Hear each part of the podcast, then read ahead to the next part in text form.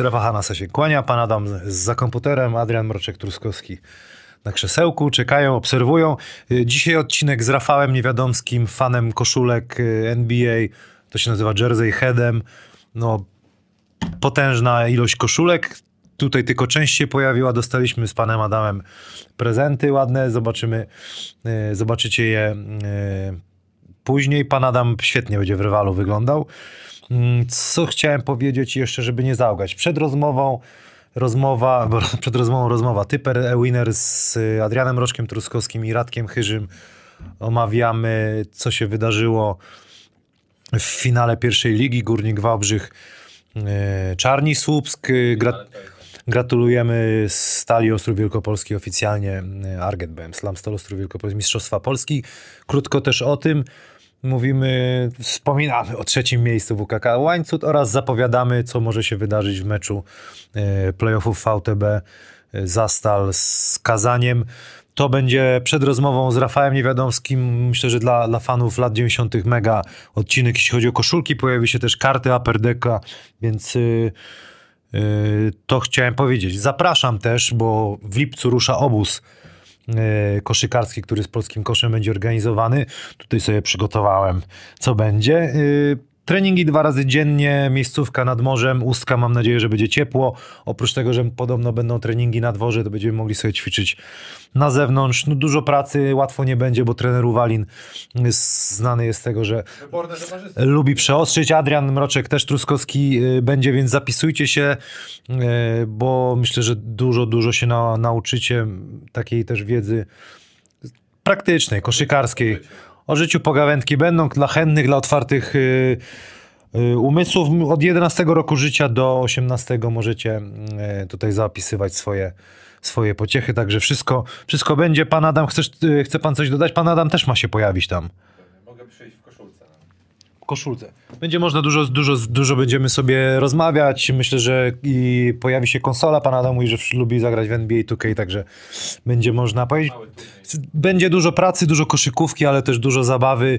Yy, I, I myślę, że miło będziecie wspominać ten, ten okres. Fix catering yy, dietetyczny, podwieczorek, koktajl banty będzie można sobie kupić na kod Hanas13. Yy, Zakłady bukmacherskie Winner cały czas są z nami i dzięki, dzięki nim i firmie Lok7 yy, i Capella de Bullseyes robimy to dla was. Panie Adamie, fiknij pan teraz teledysk. It won't stop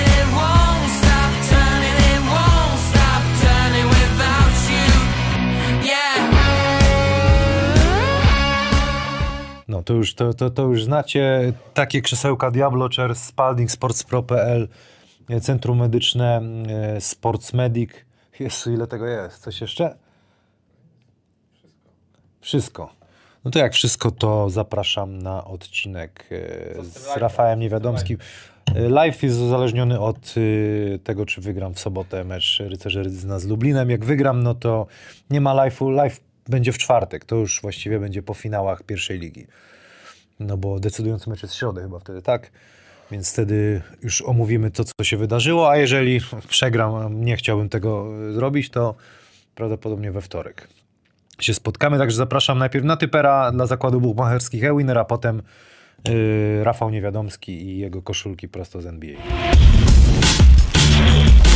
Typer Ewiner się kłania, ze mną w studiu Radosław Chyży Witam serdecznie. oraz Adrian Mroczek-Truskowski. Dzień dobry. Aktualności, podsumowania. Yy, o i oczywiście Typer, pięć najszybszych osób, które dobrze wytypują wygranych yy, dwóch, pierwsz, yy, dwóch meczów w Wałbrzychu.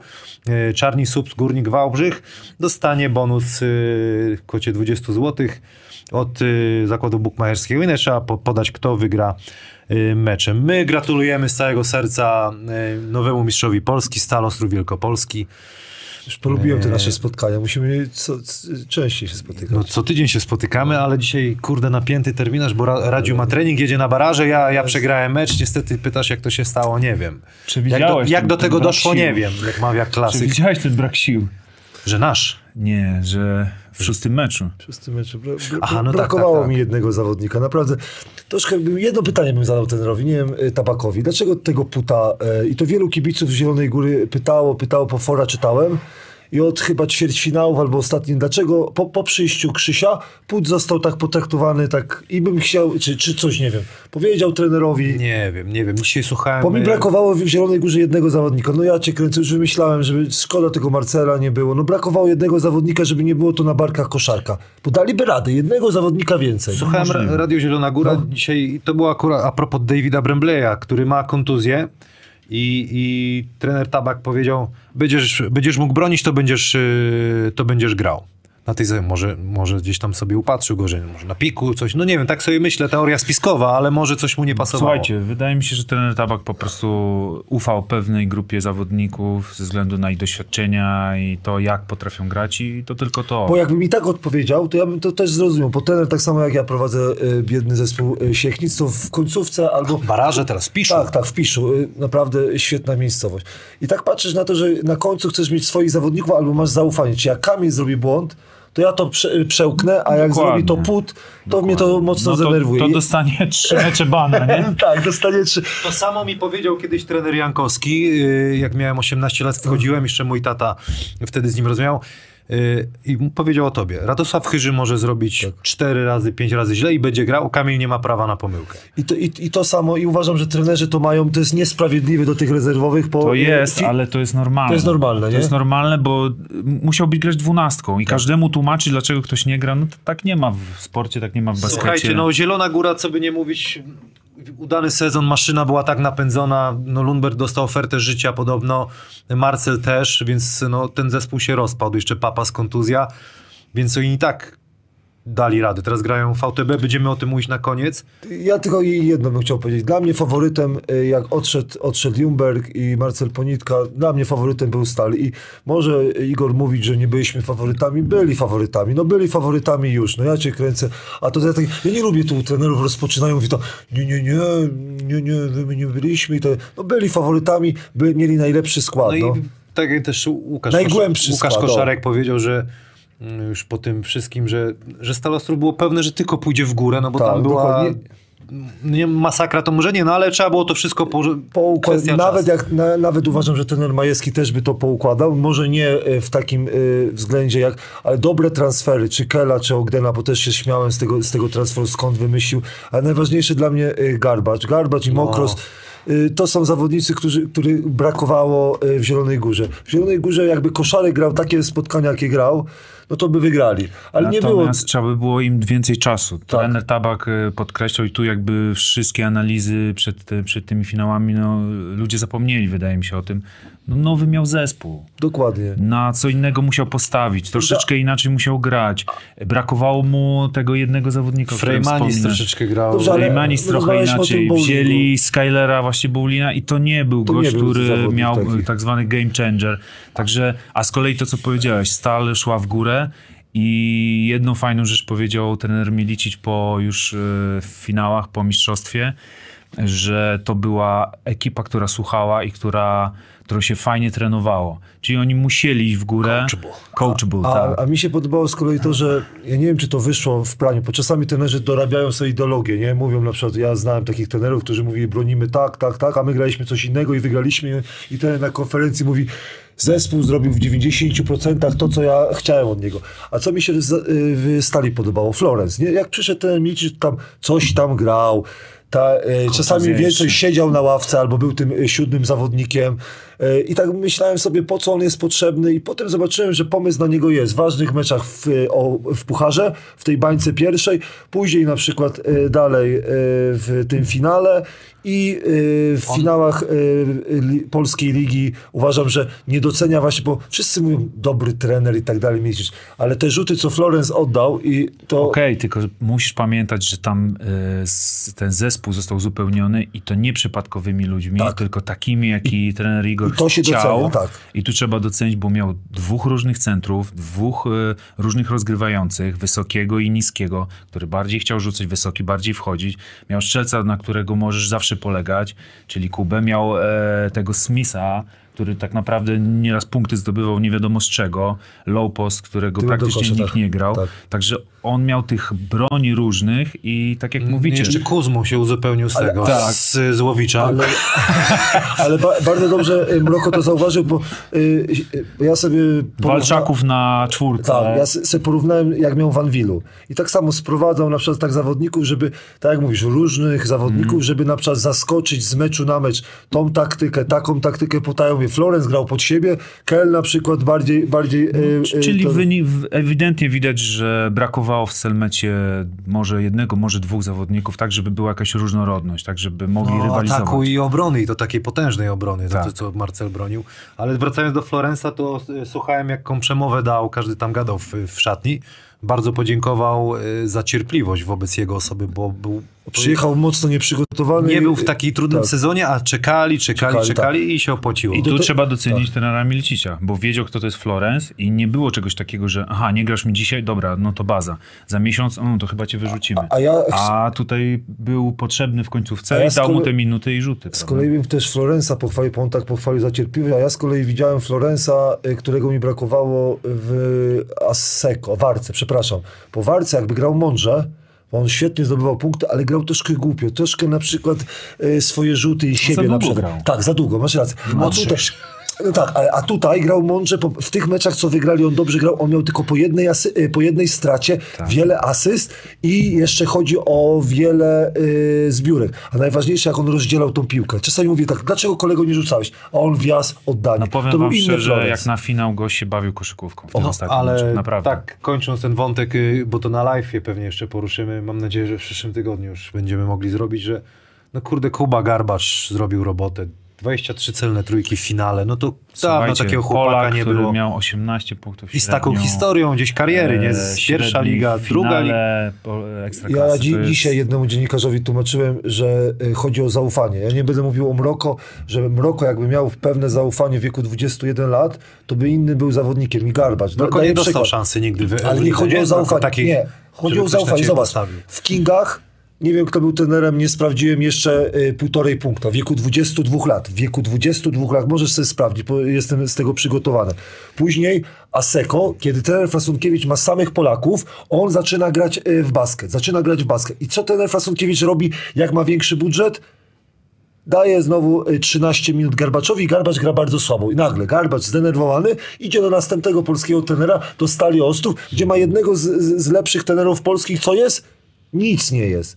Chodzi o minuty, a najważniejsze chodzi o zagrywki, żebyś ty miał piłkę i twój styl grania był podobny do stylu grania trenera. Gra na ciebie, minuty, Tak.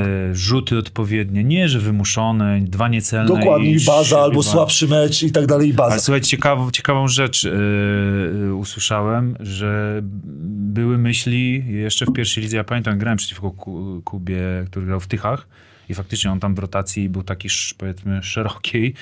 I podobno były myśli, czy aby to wszystko ma sens, prawda? Właśnie parę lat temu w pierwszej lidze.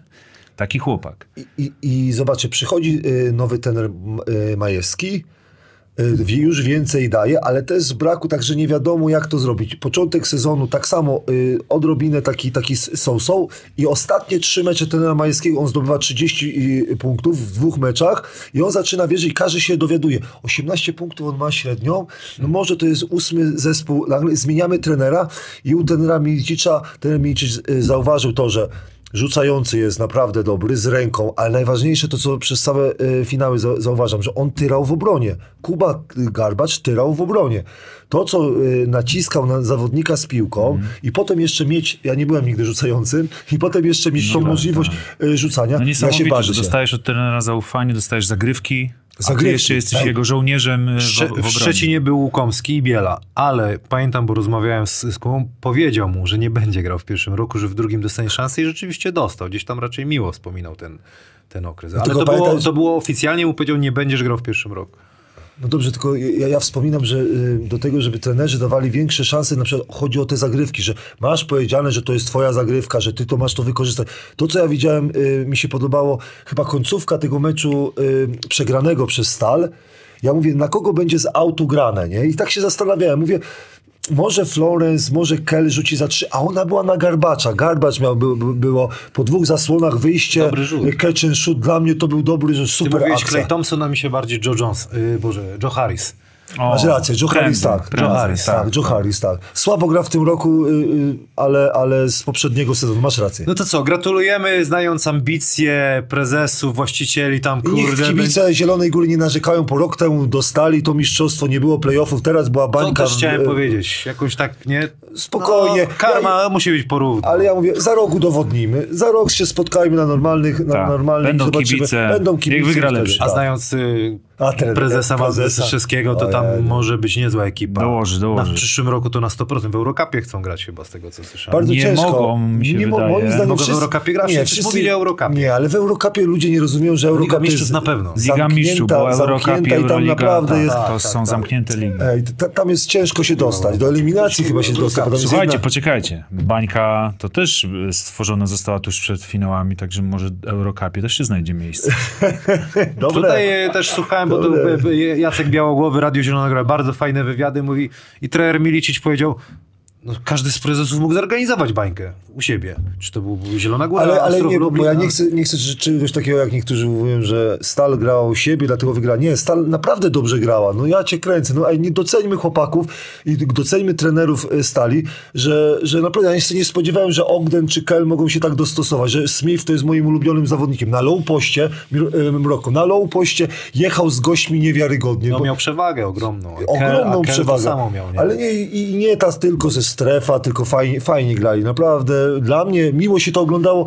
y, Te, No myślę, że kolejny bodziec dla e, trenerów e, w Polsce, jak budować, na kim opierać, jak to zestawiać. Już nie tylko strefa będzie kopiowana pewnie, Tak. ale ten styl budowy składu też może być kopiowany. Ja bym się cieszył, bo wysoce rozgrywający to jest jednak przewaga w koszykówce. E, czy low post małych to zupełnie coś innego jak niż masz czwóreczkę, a piątkę, nie, nie daj Bóg, rzucającą. rzucającą. To dla jest, mnie- to jest teraz nowoczesny basket, także oby, oby tylko e, dla dobra polskiego Mam nadzieję, że trenerzy oglądali, bo ja oglądałem i się dużo nauczyłem od trenera Tabaka przez cały sezon trenera Milcze, tak samo odbudowanie składu. Pamiętam, jak to mówił pierwszy trener Jankowski, mówił, Tomasz Jankowski mówił, 70 albo 80% wyniku zespołu Tak, to jest mówi- budowa przed sezonem. on mi pokazał, A prezesi niektórzy cztery- zapominają, tak. Pięć kart, tu masz, tu masz y, zawodników zaczynających, tu masz kogo chcesz i patrzysz sobie, jak minutki dzieje. Taką miał kr- krateczkę. Tak, ale to jest najważniejsze, to, to, to jak fajnie Jeszcze zapomniał o krateczce z, z takiej SK, prze, przekreślę, Że- że co? do, dolary. Aha, dolary, Myślałem- dolary myślałem, i że- złotówki. Myślałem, że wolne. Że, Tam, że... gdzie dolary jeszcze dużo jest zawodników ważne, musisz ważne. pisać. Dobra, jedziemy to, co y, będzie się działo, w, działo się w weekend i będzie się działo w kolejny weekend. Panie Adamie, kiedy pan to zmontujesz? Nie no, to dzisiaj idzie. A dzisiaj idzie świat. Pan Czarni, Adam ciężko pracuje. na- na czarni pieniądze. grupa Sierleccy, Czarni, Subs, Górnik, Właśnie, Transeu, Wałbrzych. Pierwszy mecz, no chyba zaskoczenie, niespodzianka. A drugi, no to myślę, że wszyscy was z Wałbrzycha będą chcieli zapomnieć. Coś o pierwszym meczu, Mroko. No, zaczął mocno słup, zresztą tak jak wszyscy e, przewidywali. Zresztą w drugim meczu też zaczął mocno. Tylko różnica była taka, że e, Górnik się otrząsnął i bardzo fajnie, e, nie wiem, czy to po czasie jakieś słowa tam padły, czy, czy e, wrócili do swoich założeń przedmeczowych. I nagle zobaczyliśmy taką typową drużynę Górnika Wałbrzych, trenera Grudniewskiego, tylko na poziomie finału, czyli agresywną w obronie, agresywną w ataku. Cały czas chcieli każdego minąć jeden na jeden, ale przede wszystkim te akcje nie były, e, nie były długie, nie były takie, jakie lubi Słups, bo Słups troszeczkę woli grać dłużej niż, niż e, taki basket trenera Grudniewskiego, gdzie jest trochę szybciej, szyb, szybkie piki, szybkie rzuty. No i siadło. I to był klucz. Bo jak widzieliśmy w drugim meczu, co się dzieje, kiedy Górnik jest nieskuteczny A, to aż szok. to aż szok, nie? Ale wracając do pierwszego meczu, duża przewaga. Yy, klasycznie trener Mantas po przerwie znalazł jakiś myk, który spowodował, że tą przewagę e, udało się zniwelować, ale nie na tyle, żeby, żeby w tym meczu odnieść zwycięstwo. I tutaj Krzychu Jakubczyk naprawdę po, po, w obronie, no trzeba oddać, że, że wybrał piłkę, taką ważną akcję 2 plus 1, tam nie wiem, czy nie faul myślny chyba był, także no to, to było coś. Czy no tak na... Dlaczego Subsk też przegrał, to musiał i Pieloch razem 5 punktów zdobyć. No to jest... To bez dwóch zdań, skuteczność. No umówmy, na- na słuchajcie, 100% no, w drugim no. meczu w pierwszej kwarcie 8 trójek, a w pierwszym meczu łącznie, żeby wam nie skłamać, chyba 5 e, Słupsk trafił. A Górnik co? Y, Pięciu zawodniczku, zawodników, ponad Cztery, 10 przepraszam, punktów z, z ławeczki, Tak. w tym Tomek Ochońko, super zmiana. Super zmiana, naprawdę. No to był taki impuls, taki, taki widać, że oni e, czuli ten mecz, jak poczuli, to już go nie chcieli wypuścić i, i stąd, e, stąd taki wynik. Radziu? Mantas y, troszkę gra tak, jak ja lubię, czyli na przykład bez dwójek, bez dwójek dobrze rzucających. Ja, ja, ja to kiedyś teorię zrobiłem w Śląsku Wrocław, że jak dwójka nie zdobędzie y, pozycja numer dwa rzucający 10 punktów, to przegra mecz. Mój zespół przegra. I, i, i to było tak, że, że Kubie Musiałowi tłumaczyłem, że on musi nawet siłować rzuty, musi na przykład grać agresywnie, y, żeby, żeby wygrać mecz. Y, Skuteczność, to co rozmawiamy, że skuteczność była, y, żeby Górnik Wałbrzych wygrał trójki, procent y, trójek po meczu, no to ja, jakby ktoś mi powiedział, że, że, że tak będzie, to ja bym powiedział, no chyba się... się... Warto tu wspomnieć o y, statystyce, to, to już na Twitterze to y, latało, ta informacja. E, Kamil Syfert, Tak. nie Tak, wiem, czy, tak, no czy widzieliście, y, zaczął sezon od 0,26, Tak, a ostatnie 15 spotkań ma 14,28. No ale słuchajcie, no to, to, to też pokazuje, że on ma jaja do gry w playoffach, bo pamiętam, graliśmy, on był w łańcucie, graliśmy y, te słynne playoffy w Lesznie. No to szliśmy z nim dołem, a on cztery Słuchaj, zapiął on się odpala chyba. wtedy, kiedy drużyna tego potrzebuje. Kiedy ma za to płacone. Ale y, te, te, te procenty... Może bonus za trójkę jakąś dostał. Eee, No i ta- to też był klucz dla Wałbrzycha, bo on dołożył trójki, których tam powiedzmy nie, nie, nikt się nie spodziewał, nie? Jeżeli chodzi na przykład o, o subs, bo ja na przykład obejrzałem sobie początek, bo ten Grudniewski jest znany, czy, czy jego zespoły są znane z tego, że początek jak, jakby, jakby de, moc i determinuje, ca, cały ten początek determinuje y, y, całe spotkanie. Czyli jak w początku dobrze zagrasz, to oni robią tą przewagę, potem kontrolują, męczą i tak dalej, i tak dalej. I w tym, tym, te- ten początek to jest klucz, że, że y, oni potrafią y, wyciągnąć mecze. I ja na przykład, y, to co mi to też Mroko powiedział, mi się podobał Mantasa na przykład, że potrafi zmienić y, styl po przerwie, ale najważniejsze moim zdaniem między pierwszym a drugim spotkaniem była różnica, że jak ja widziałem drugie spotkanie, bo sobie oglądałem tak pierwszą kwartę y, pierwszego spotkania i pierwszą kwartę drugiego spotkania, potem drugą kwartę pierwszego spotkania i drugą kwartę drugiego spotkania. I różnica była według mnie taka, że były szybsze akcje, jeżeli chodzi o i zawodnicy jak Hubert Pawian, Pieloch i nie zastanawiali się, e, co mają zrobić. Dostali piłkę, rzucali. Najważniejsze Tak, to, że tak, dał tak. Pielocha do, pie, do Była, pierwszej była piątki. decyzyjność, w- uwierzył w zawodnika, który dzień wcześniej miał za za zero. I, i, to, I to wystarczyło na górnik, bo górnik ma mniej talentu. Niech się zawodnicy górnika się nie obrażają, ale jeżeli chodzi o atak, to, to mają e, mniej talentu po prostu. A Supiński sobie nie zastanawia się, co ma grać, tylko gra, trójeczkę sypie. E, Hubert Pabian, długa dwójka, e, ten, kontra, jak kontrę Kordalski przeprowadza, to, to kto? Durski zdąży przez trzy minuty. Miło się patrzy, ten chłopak Ta, a w pierwszym meczu naprawdę. chciał być mądrzejszy od mądrzejszego. No ja cię kręcę. No jak masz No siłę, dobra, to jedziesz. A trzeba oddać, że zapaliło wielu zawodników, no bo jak w pierwszej kwarcie trafia ci śmigło... e, 18 razy za 3 punkty, nie? 69 pro. I to jest moja teoria. Ja uwielbiam tą teorię, że y, trójki czy atak y, jakby napędzają obronę.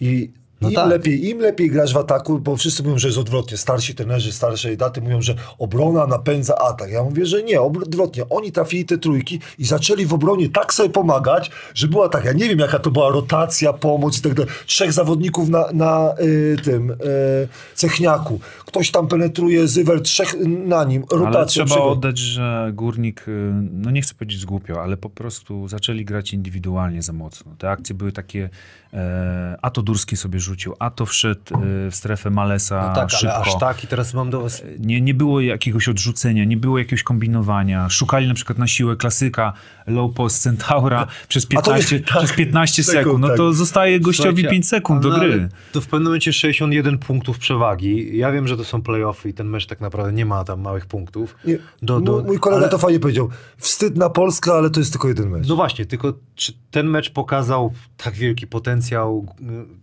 czarnych subs? Ja nie wiem, no bo jak to, jak to w ogóle odnieść się? Czy to jest tylko wiesz co- historia jednego meczu, czy to jest Moim zdaniem nie wolno. czy wypadek przy pracy pierwszego meczu? Powiedzieć, że e, to się nic nie stało, no bo gdzieś tam w głowie to zostaje. Natomiast no warto, trener Górnika mówi, e, słuchajcie, było, minęło, wiadomo, trochę za dużo przegraliśmy, trzeba się pozbierać.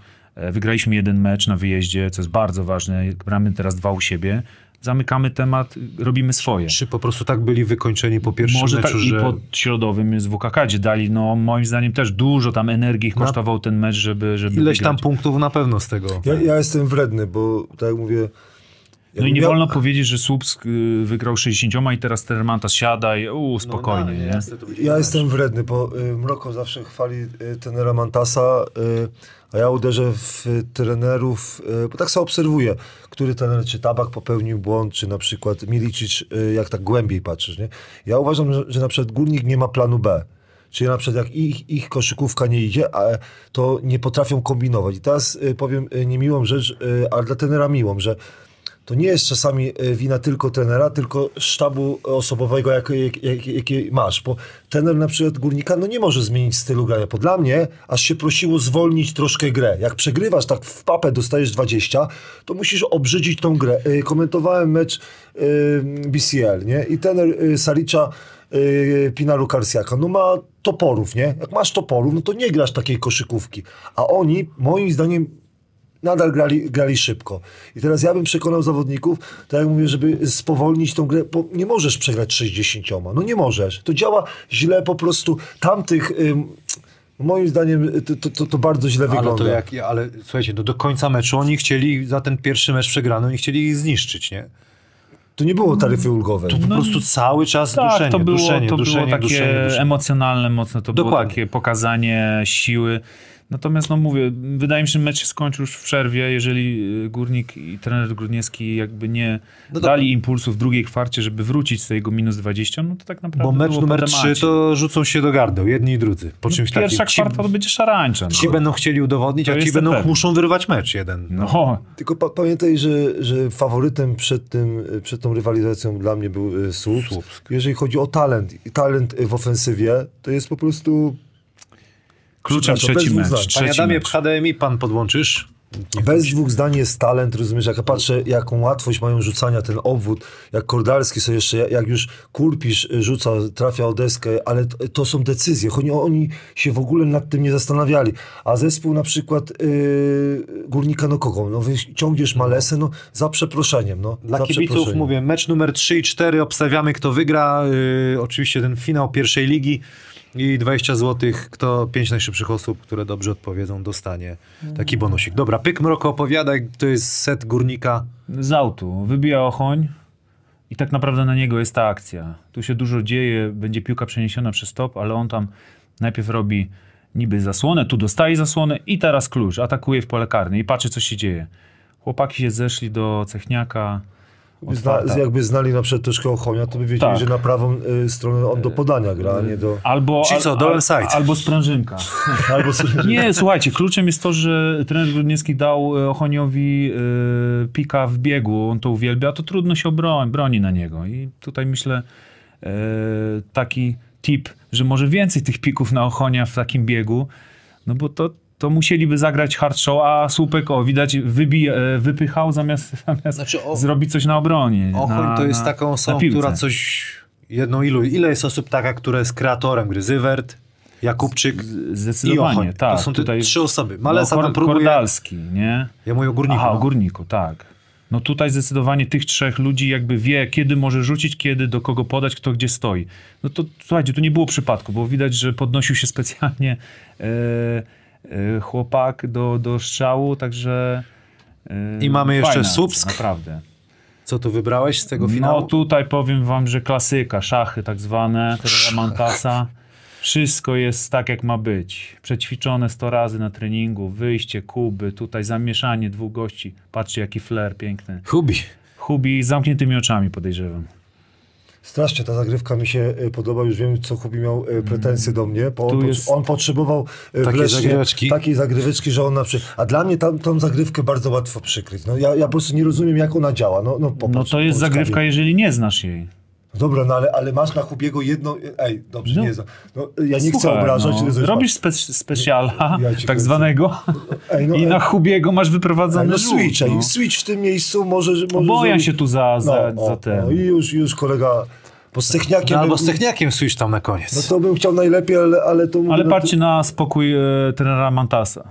nie, to Tutaj nie było takiej radości, że on trafił to trójkę, bo on wiedział, że tam będzie pozycja Tak, czysta. Tak, i tutaj muszę mówić, że mógłbym się nauczyć. Ty, no. Ciach.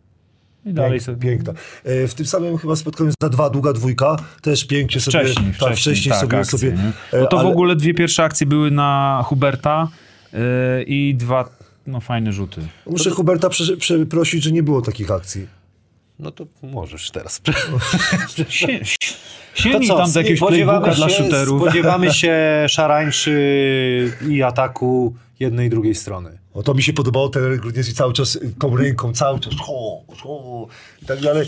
Jak, ale nie, nie zgupieją. Jeżeli chodzi o, o y, subs, oni moim zdaniem mają patent. Nie wiem, co się w pierwszym meczu s- y, stało, jeżeli chodzi... Ale, ale chodzi o, o, o to, że oni nie chcieli tak rzucać. Oni, oni tak się jakby przestraszyli. Czy była lepsza obrona, to co mówisz, że, że Górnik w drugim meczu już spuchł? Wiesz, często było tak, że pierwszy mecz, y, jak grasz i masz dłuższą przerwę, niekoniecznie jest super. Oni, wiesz, na A. euforii poszli może jeszcze. No bo- to jest tak tak, tak, może jeszcze tak bo dali z siebie maksa i drugi meczu po prostu taki... Bo ja, ja na początku myślałem, że te rzuty były otwarte, ale na przykład te rzuty były tam z ręką. Tam nie było tak, że Pieloch oddał sobie jakiś No nie, ale to, co ła- powiedziałeś fajnie, że, się, że były zawahania. Jak były zawahania, Tak, w to, pierwszym to, meczu. to nie jest rzut w tempo, gdzieś e, podanie, jedno podanie za dużo Tak. często, prawda? Wiesz, znowu, znowu sobie zrobię, e, jakie miałem pretensje do moich zawodników Śląska, że gramy regularny sezon i wszystko jest fajnie, oni rzucają, nie? Ej, zapomniałem. Tak, zapomniałeś, już bałem się, że nie Zapomniałem, będzie, zapomniałem, rozumiesz? Zapomniałem, fix catering dietetyczny, Hanas 13, proszę, możecie... O, O, to moje ulubione. Regeneru jest. Ej. Nie, ja, ma, ja mam regeneru. Ale dokończę, Ty nie masz. No dawaj, mów. dokończę. Bo wiesz co, y, Patrz, sticky rice. dla wiesz jakie miałem pretensje do was w Lesznie albo y, w Śląsku Wrocław. Jak normalnie rzucasz te rzuty, a przychodzi mecz i zaczynasz się wahać, to a, mówi mi, albo się boisz, albo nie, nie, nie radzisz sobie, albo tego nie widzisz. I w pierwszym meczu uważałem, że, że Subs troszkę albo był speniany, albo tak jak mówisz, że długo czekali na to spotkanie. Długo czekali na to spotkanie i te, te, te rzuty były po prostu takie, a boję się, y, może przedłużę i dłuższa akcja. Tylko o jedzeniu. Ja mówię, a ty o jedzeniu, rozumiesz? Może to to, no tak jak mówisz. Słuchajcie, y, trzeci mecz, y, y, mówimy tutaj szarancza z jednej i z drugiej strony, ale trzeba zaznaczyć, że w sezonie regularnym w meczu w Wałbrzychu no, były niezłe bęcki. Właśnie przez to, że, że ta mocna taka obrona górnika, ta słynna szarańcza pierwsza kwarta i za, zagotowali się chłopaki. No to dobra, to waszym zdaniem co, skończy się to w, w Wałbrzychu już? Jedną albo w drugą stronę? Ja bym chciał, żeby nie, ale jakbym miał teraz y, stawiać mój telefon, to 3-1 dla y, Subska. Słupska. 3-1 dla górnika. O, dla górnika. A czy ja tak O, sobie pan, pomyślałem... pan, pan Adam, i- i ja myślałem, że Ja pan jakby- Adam śpi, jakby- słyszałeś, to, to powtórka. O, czyli, czyli, czyli to było tak. Ja tak. E, Mroko dziwny typ, czy pan Adam mówi, wreszcie ktoś się w tym programie zna. I mówi tak, fajnie, że Mroko jest, bo, bo myśli tak samo jak ja. Mango sticky rice, naprawdę, pyszne. Wie, bo widzimy, że żyjesz, a już mi ślina leci, a ty, ty sobie jesz tylko. tak, Ja bym chciał, żeby było pięć meczyków, bo we wtorek mam nadzieję zrobimy live'a w końcu. ja I to był fajny live. przed Ale y, propozycja więc- niektórych kibiców jest, żeby live był live, prawdziwy, że my sobie oglądamy No to mecz może- i tak może dalej. spróbujemy, środę, zaryzykujemy. I będziemy komentować. Środa, To środa? No. Już grasz. Jakby co? Ty grasz. A jak wygram... Nie musisz wygrać. Wszyscy trzymamy, wszyscy Słuchajcie, trzymamy. jeżeli przegram, no to Nie, zrobimy live'a, jeżeli, nie, ale muszę nie, wygrać nie i możesz do Lublina przegrać. we wtorek. Ja Nie to nie zrobimy przegrać. ani wtorek, ani możesz jeżeli przegrać. wygram. Musisz, musisz wygrać. Strasznie. Taki dawno, powrót dawno, z Lublina. Dawno ej, nie zniosłem tak źle porażki. Wiesz co, mam nadzieję, że trener e, Ryzyny powiedział to. Panowie, przegraliśmy, ale powrót po trzecim spotkaniu będzie najcudowniejszym momentem Też w waszym życiu. Rozumiesz? Osiem godzin śpiewów przyje, przyjaznej atmosfery. John Samolak będzie tam latał, wiesz. Ojej, jak Samolak, Stachów, jak Samolak, Stachów. musisz to zrobić. Nie udało się teraz, ale zrobisz to, wierzę w ciebie, naprawdę. I trafisz ostatnią trójkę. Yy, Nie, A w Wałbrzychu mam, policzyłem, w Wałbrzychu mam więcej kolegów, więc tak tym kolegom kibicuję, natomiast gdzieś tam mi podpowiada, że to jak Słupsk wygra ten mecz numer 3, no to, może się 3 To ja powiem oso, o osobkę taką. Y, Ja, ja lubię, jak Mroko chwali y, y, tego Mantasa i strasznie mnie to denerwuje, ale pobierzałem sobie tego Mantasa, Mroko ma rację. No fajnie grają. No, no. To bałem, bałem, się, że, bałem się, że w szatni jestem. Przyznaję, no, muszę, muszę pewne rzeczy się jeszcze pouczyć, bo mi się podobają moje, moje zespoły, jak grają, ale Mantasa zespół naprawdę dobrze gra. Naprawdę dobrze grają. Radziu, musisz już iść, czy jeszcze masz 3-4 minuty, 5? Jeszcze Trzy. chwilę? Mam jeszcze. Yy, jeszcze wspomnimy, że WKK prowadzi, to jest dwumecz, tak? Tak, dwumecz. Dwa punkty zaliczki mają. Bardzo Dobrze. dziwny format e, rozgrywek. Właściwie przy tej pandemii ja nie rozumiem, po co to się odbywa. Dać im medale. No biedny Dokładnie. klima musiał sobie posiedzieć. Słuchaj, to tak jak- raz, po co, a dwa, czemu tydzień przerwy?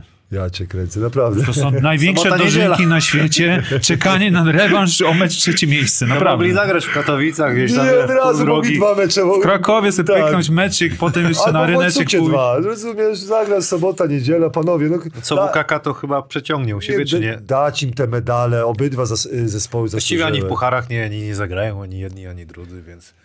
Moim Nie zdaniem. Podkarpacie zasługuje na, na, na e, trzecie miejsce. No chyba, że bonusy ktoś ma spore przy tym, y, w pierwszej lidze, nie wiem jak to w Albo, pierwszej lidze. albo sobie sam zrobi bonusy. Albo bonusy, albo ktoś wiedzie jakiś Na, ekstra e, na sposób. e-winerze. No nie, to już teoria spiskowa. Nie no, żart. Nie, w żart, żadnym żart. wypadku, przecież hazard to zło. Ta, nie wolno. Chyba, Nie że za freebeta od Kamileczka. Y, Kamileczek jest naprawdę przyje, przyjemny. Dobra, jeszcze ciekawa rzecz, znaczy ciekawa. Panie Adamie, no musisz to wypuścić w takim razie dzisiaj, bo się środa y, naszego polskiego czasu o 19 gra Zastal playoffy VTB.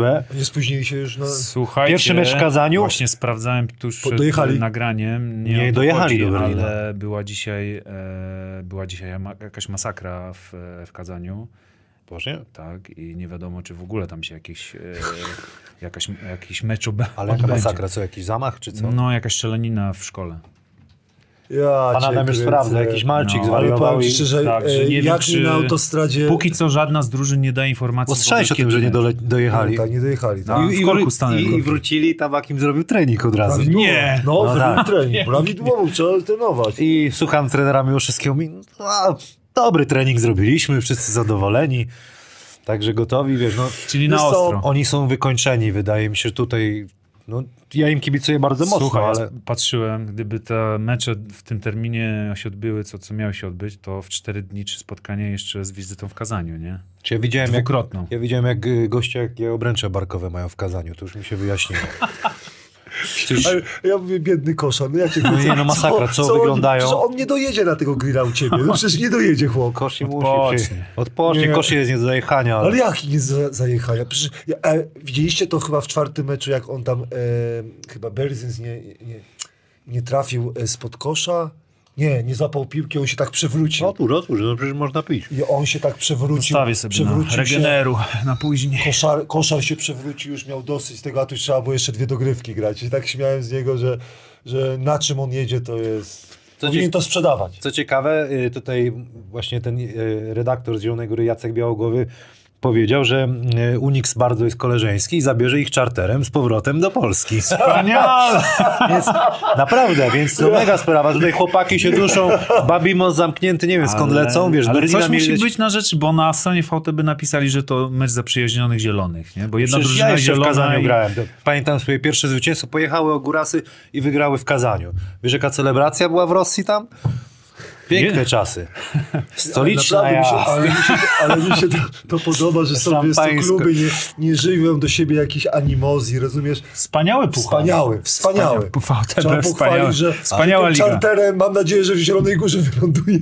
Nie, nie może w Babimoście, tam czytałem w Poznaniu, czy nawet w Warszawie, nie? Ja Czyli jeszcze trzeba przydusić z czwórkę. To nie? oni pomogą mi z kolei z transportem. Wszystko pięknie. W jednym, Słuchajcie, trenerzy w jednym autobusie. Fajnie, żeby się te mecze odbyły, no bo to takie jakby, no chyba o to walczyli przez cały sezon, prawda? No y, trzeba wspomnieć o Freymanisie, wybrany szóstym zawodnikiem e, tej ligi. Także jakieś tam wyróżnienie duże. Co by się nie, no, co by się nie E, stało? Drugi najlepszy strzelec. Nie, Freymanis dla mnie, ja się zastanawiam, kto zdecydował w Włocławku, to się właśnie pytam, że Lichodzie jest lepszy od Freymanisa. Naprawdę, naprawdę. Drugi najlepszy strzelec całej Co ligi, a nazwiska zrobił? wiecie jakie tam są, prawda? Także no, trzeba, trzeba pochylić czoło, że, że, że naprawdę. Co by nie mówić, wynik. co się nie stanie, to wielki sukces Stelmetu. Że... Wielki, wielki. Naprawdę. Wielki, A naprawdę. jeszcze gdy przeszli ten kazem w drugiej rundzie, jakie tam nazwiska grają, ojejku. Już nie wspomnę o, o, o Kalnitisie z Kuzmińskasem w, w, w, No. w, w Krasnodarze bodajże. Będziemy sobie to obserwować, oglądać. Czyli co, no, Nie. No, no, nawet na przyjazno, zaprzyjaźnione, ale nie dadzą no rady. chyba, że dadzą z, Nie, z wątroby, nie, nie, z czego to już nie wiem. Nie wiem z czego. Z czego dadzą w CRS-ie. Nie, nie, nie. Ale słuchajcie, jeszcze jedną tylko fajną rzecz, fajną, ciekawostkę. Liga VTB no mega mog, w ogóle ma rozszerzoną tą stronę swoją e, i tam są takie zaawansowane statystyki. I słuchajcie, pamiętacie jak mówiliśmy, że piąty mecz, e, szóst, piąty mecz dał trener e, Tabak najlepsze co ma od pierwszej kwarty? To tam y, na VTB w statystykach najlepsza piątka, najbardziej y, plus minus, najskuteczniejsza y, z- Zielonej Góry przez cały sezon, a różne mieli piątki, czy Lumber, prawda? To jest ta właśnie piątka, którą wystawił w... No, za, za, zaawansowane. No dobra. Nie, to jest, to jest... Pięć najszybszych osób, które dobrze wytypują z wygranych meczów finałowych, mecz numer 3 i 4 w pierwszej lidze, dostanie bonus 20 zł od zakładów bukmerskich Winner. Y, Radziu, ja tobie życzę powodzenia. W Piszu? Mecze będą, ale rozpo- rozpoczną się od minuty ciszy. Odbędą się. O, aha, okej. Czyli w kazaniu minuta ciszy jednak się odbędą. To jest, kurczę, widzisz. Czyli co, wy sobie obstawiacie pierwszą ligę, Radziu, powodzenia w Piszu. Leszek Pisz, brawo. E, przyda się powodzenie. Gramy z Marcinem Fligerem e, też e, z jednym zespołem. Dwie drużyny awansują z grup Dwie do zespoły. drugiej ligi. Tobie życzę na przykład wygrana, wygranej. Dziękuję, przyda się. Wygracie. Myślisz? O, to ma, ta, będziesz miał swoją tabulkę, czy jakoś tam będziesz... Nie, ten mecz myślę... To jest taki, przyciągniemy, ale Przyciągniecie. wydaje mi się, że to taka jest y, obusieczna broń, bo tak cię, łatwiej się trafia w takie tabulki, nie? Niektórzy, co nie są shooterami, nagle wiesz, Jak ktoś nie trenuje i nie gra na co i gościu dzień, z to- wiercha mi szej zapina, nie? nie Jest jest takie zwłaszcza piątka, która nie rzuca, a to, tutaj Milciko tak. pomaga, on tyś, tyś, tyś, tyś. Ale więcej wy wykorzystacie Milczyko i Milczyko wtedy te wolne na 60% No tak, e, tak, o tak, deseczkę walnie, czy 70%. Także musisz zagrać. Musisz. No muszę, musisz. bo to, wiesz, no Rycyna, kurde, muszę, już. Ej, ej, ej. Czyś tam Z sam na, ten, na medale. Dziękuję wam bardzo, było miło. Dzisiaj trochę szybciej, bo Radziu ma trening i O nie, to ty się zagadałeś. Ja przyszedłem na... ja zagadałem się, bo właśnie dlatego, bo zaraz zobaczycie odcinek z Rafałem Niewiadomskim, mnóstwo koszulek. Bardzo ciekawy. Bardzo ciekawy, Radziu. Twój ulubiony zawodnik Ron Artes się dowiedziałem. No tak, ale był, był jeszcze jeden, właśnie ten Sprewell. Rozumiesz, tą koszulkę, co ma- masz, to jest po prostu... Sprewell był dla mnie... Tak chciałem grać. I pan Adam, zobaczycie jaką pan Adam dostał koszulkę, jak w Rewalu będzie chodził. Albo jego żona. Albo żona. Zapraszamy na odcinek z Rafałem. A dziś moim gościem jest Rafał Niewiadomski, kolekcjoner koszulek NBA, Jersey Head, fan koszykówki, a kiedyś związany koszykówką, chociaż ta koszykówka Jeszcze jest. do dzisiaj e, się e, pojawia. Witam cię serdecznie. No, kolekcja robi ogromne wrażenie. Prosiłem cię, żebyś przywiózł Część kolekcji chociaż. Część. To jest mała część. Dużo, dużo, dużo pieniążków z tego, co gadaliśmy sobie, e... wiozłeś walizce. tak. Y, tutaj jest też, y, s, albumy są z, no, z, mega kartami. kartami. Mhm, Będziemy wszystko y, pokazywać. Najpierw prezenty dla ciebie. Tutaj jest płytka naszego partnera. Super. Kapela The Bullseye oraz Dziękuję bardzo. koszulka ja e, Jordan Ty Pizda. Ty, tak. Biała. Słuchaj, i od naszego partnera Fix Catering Dietetyczny powiedziałeś, że coś... Dobrze się składa, bo dwóch dni jestem na diecie. Jedną Zobacz, co tam jest, bo ja nawet... Ja wiem, panie Adamie, dla ciebie też marcheweczka, kurczak. No super, no pięknie. Oraz koktajl Banty, proszę. Fix Catering Dietetyczny, 13% zniżki, Hanas 13, możecie się zgłaszać. Super, dziękuję bardzo. Y, Od czego zaczynamy? No bo kurde, jak patrzę na to, to, to już mam ochotę, Już ochotę pogadać. pytać, ale zapytam się ciebie, skąd koszykówka? Zawsze takie pierwsze pytanie w twoim życiu się pojawiło. I w sumie zawsze jak ktoś mnie pyta, to nie wiem jak odpowiedzieć, bo mniej więcej na początku lat 90. chyba gdzieś musiałem podejrzeć e, koszykówkę NBA na dwójce. No i tak się zaczęła miłość. Chyba każdy, kto oglądał Michaela Jordana wtedy, to to był taki kot, nie? Było 10 zawodników biegało po boisku. Ten kod tam jest? Ten kot tam jest? Wiesz co, nie. Chyba nie. Nie, nie mam tam. Jest, niech będzie. Nie, kot jest, kot jest u mnie w gablocie w domu, dlatego no, y, nie, Nie chciałem, nie chciałem ryzykować, wolę, żeby został w domu w gablocie. Natomiast wy mi coś daliście, ja też coś wam przywiozłem. Nie wiem, czy robić wam jakiś quiz. Panie Adamie, jak tam u pana z wiedzą o koszykówce jest? Jezus. Słabo? Możesz, nie, możesz zmie- No to możesz, będziecie Ja też się nie, To, ja będzie, też się nie to interesuję. zanim zaczniemy nagranie i tak dalej, to panowie, jaki zawodnik, który biegał po polskich parkietach, grał w NBA? Kogo znacie? W Filadelfii na przykład grał, w Orlando Magic, w Orlando w to Charlotte to... Hornets. No, no ale to kurczę, no Mike Ansley to, to, No tak. to tak. No, no, także mamy Mike'a Ansleya na dzień dobry. I to jest dla pana Adama. To oczywiście nie jest meczowa koszulka Mike'a Ansleya. Ej, kurde. Tak dobrze, tak dobrze to Come nie ma. on, Natomiast, patrzcie, e, natomiast to jest e, tak zwany custom, czyli koszulka zrobiona, e, to nie jest koszulka powiedzmy jakiejś tam marki, tylko to jest custom zrobiony gdzieś tam w podziemiach. No. E, identycznie jak koszulka meczowa. Panie Adamie, to jest e, dla pana wręczone. Ej, ale pan Adam, kurde, kok- koktajle, koszulki. My ci kotleta daliśmy. A my ci nie, no koszulki. Nie, t-shirt też jest, t-shirt też jest. T-shirt toast zrobimy zaraz. Mam nadzieję, że rozmiarowa będzie ok. Jak nie, to na siłkę trochę... Ale pan Adam, kurde, w rewalu jak wy, wyskoczy, rozumiesz, Tak. król plaży. Okej. Wspaniały. No to teraz y, drugi temat, już No. tam widzę podglądasz. Y, zawodnik, który... Jedyny zawodnik, który dusił swojego trenera. Charles. Nie, Nie. to nie Barkley nie dusił? A, a, lata 90., 97, 8 rok bodajże. No. Jakąś podpowiedź chcesz? No. All-Star. Grał w kilku All-Starach w latach 90. Grał w finale NBA w 99 roku.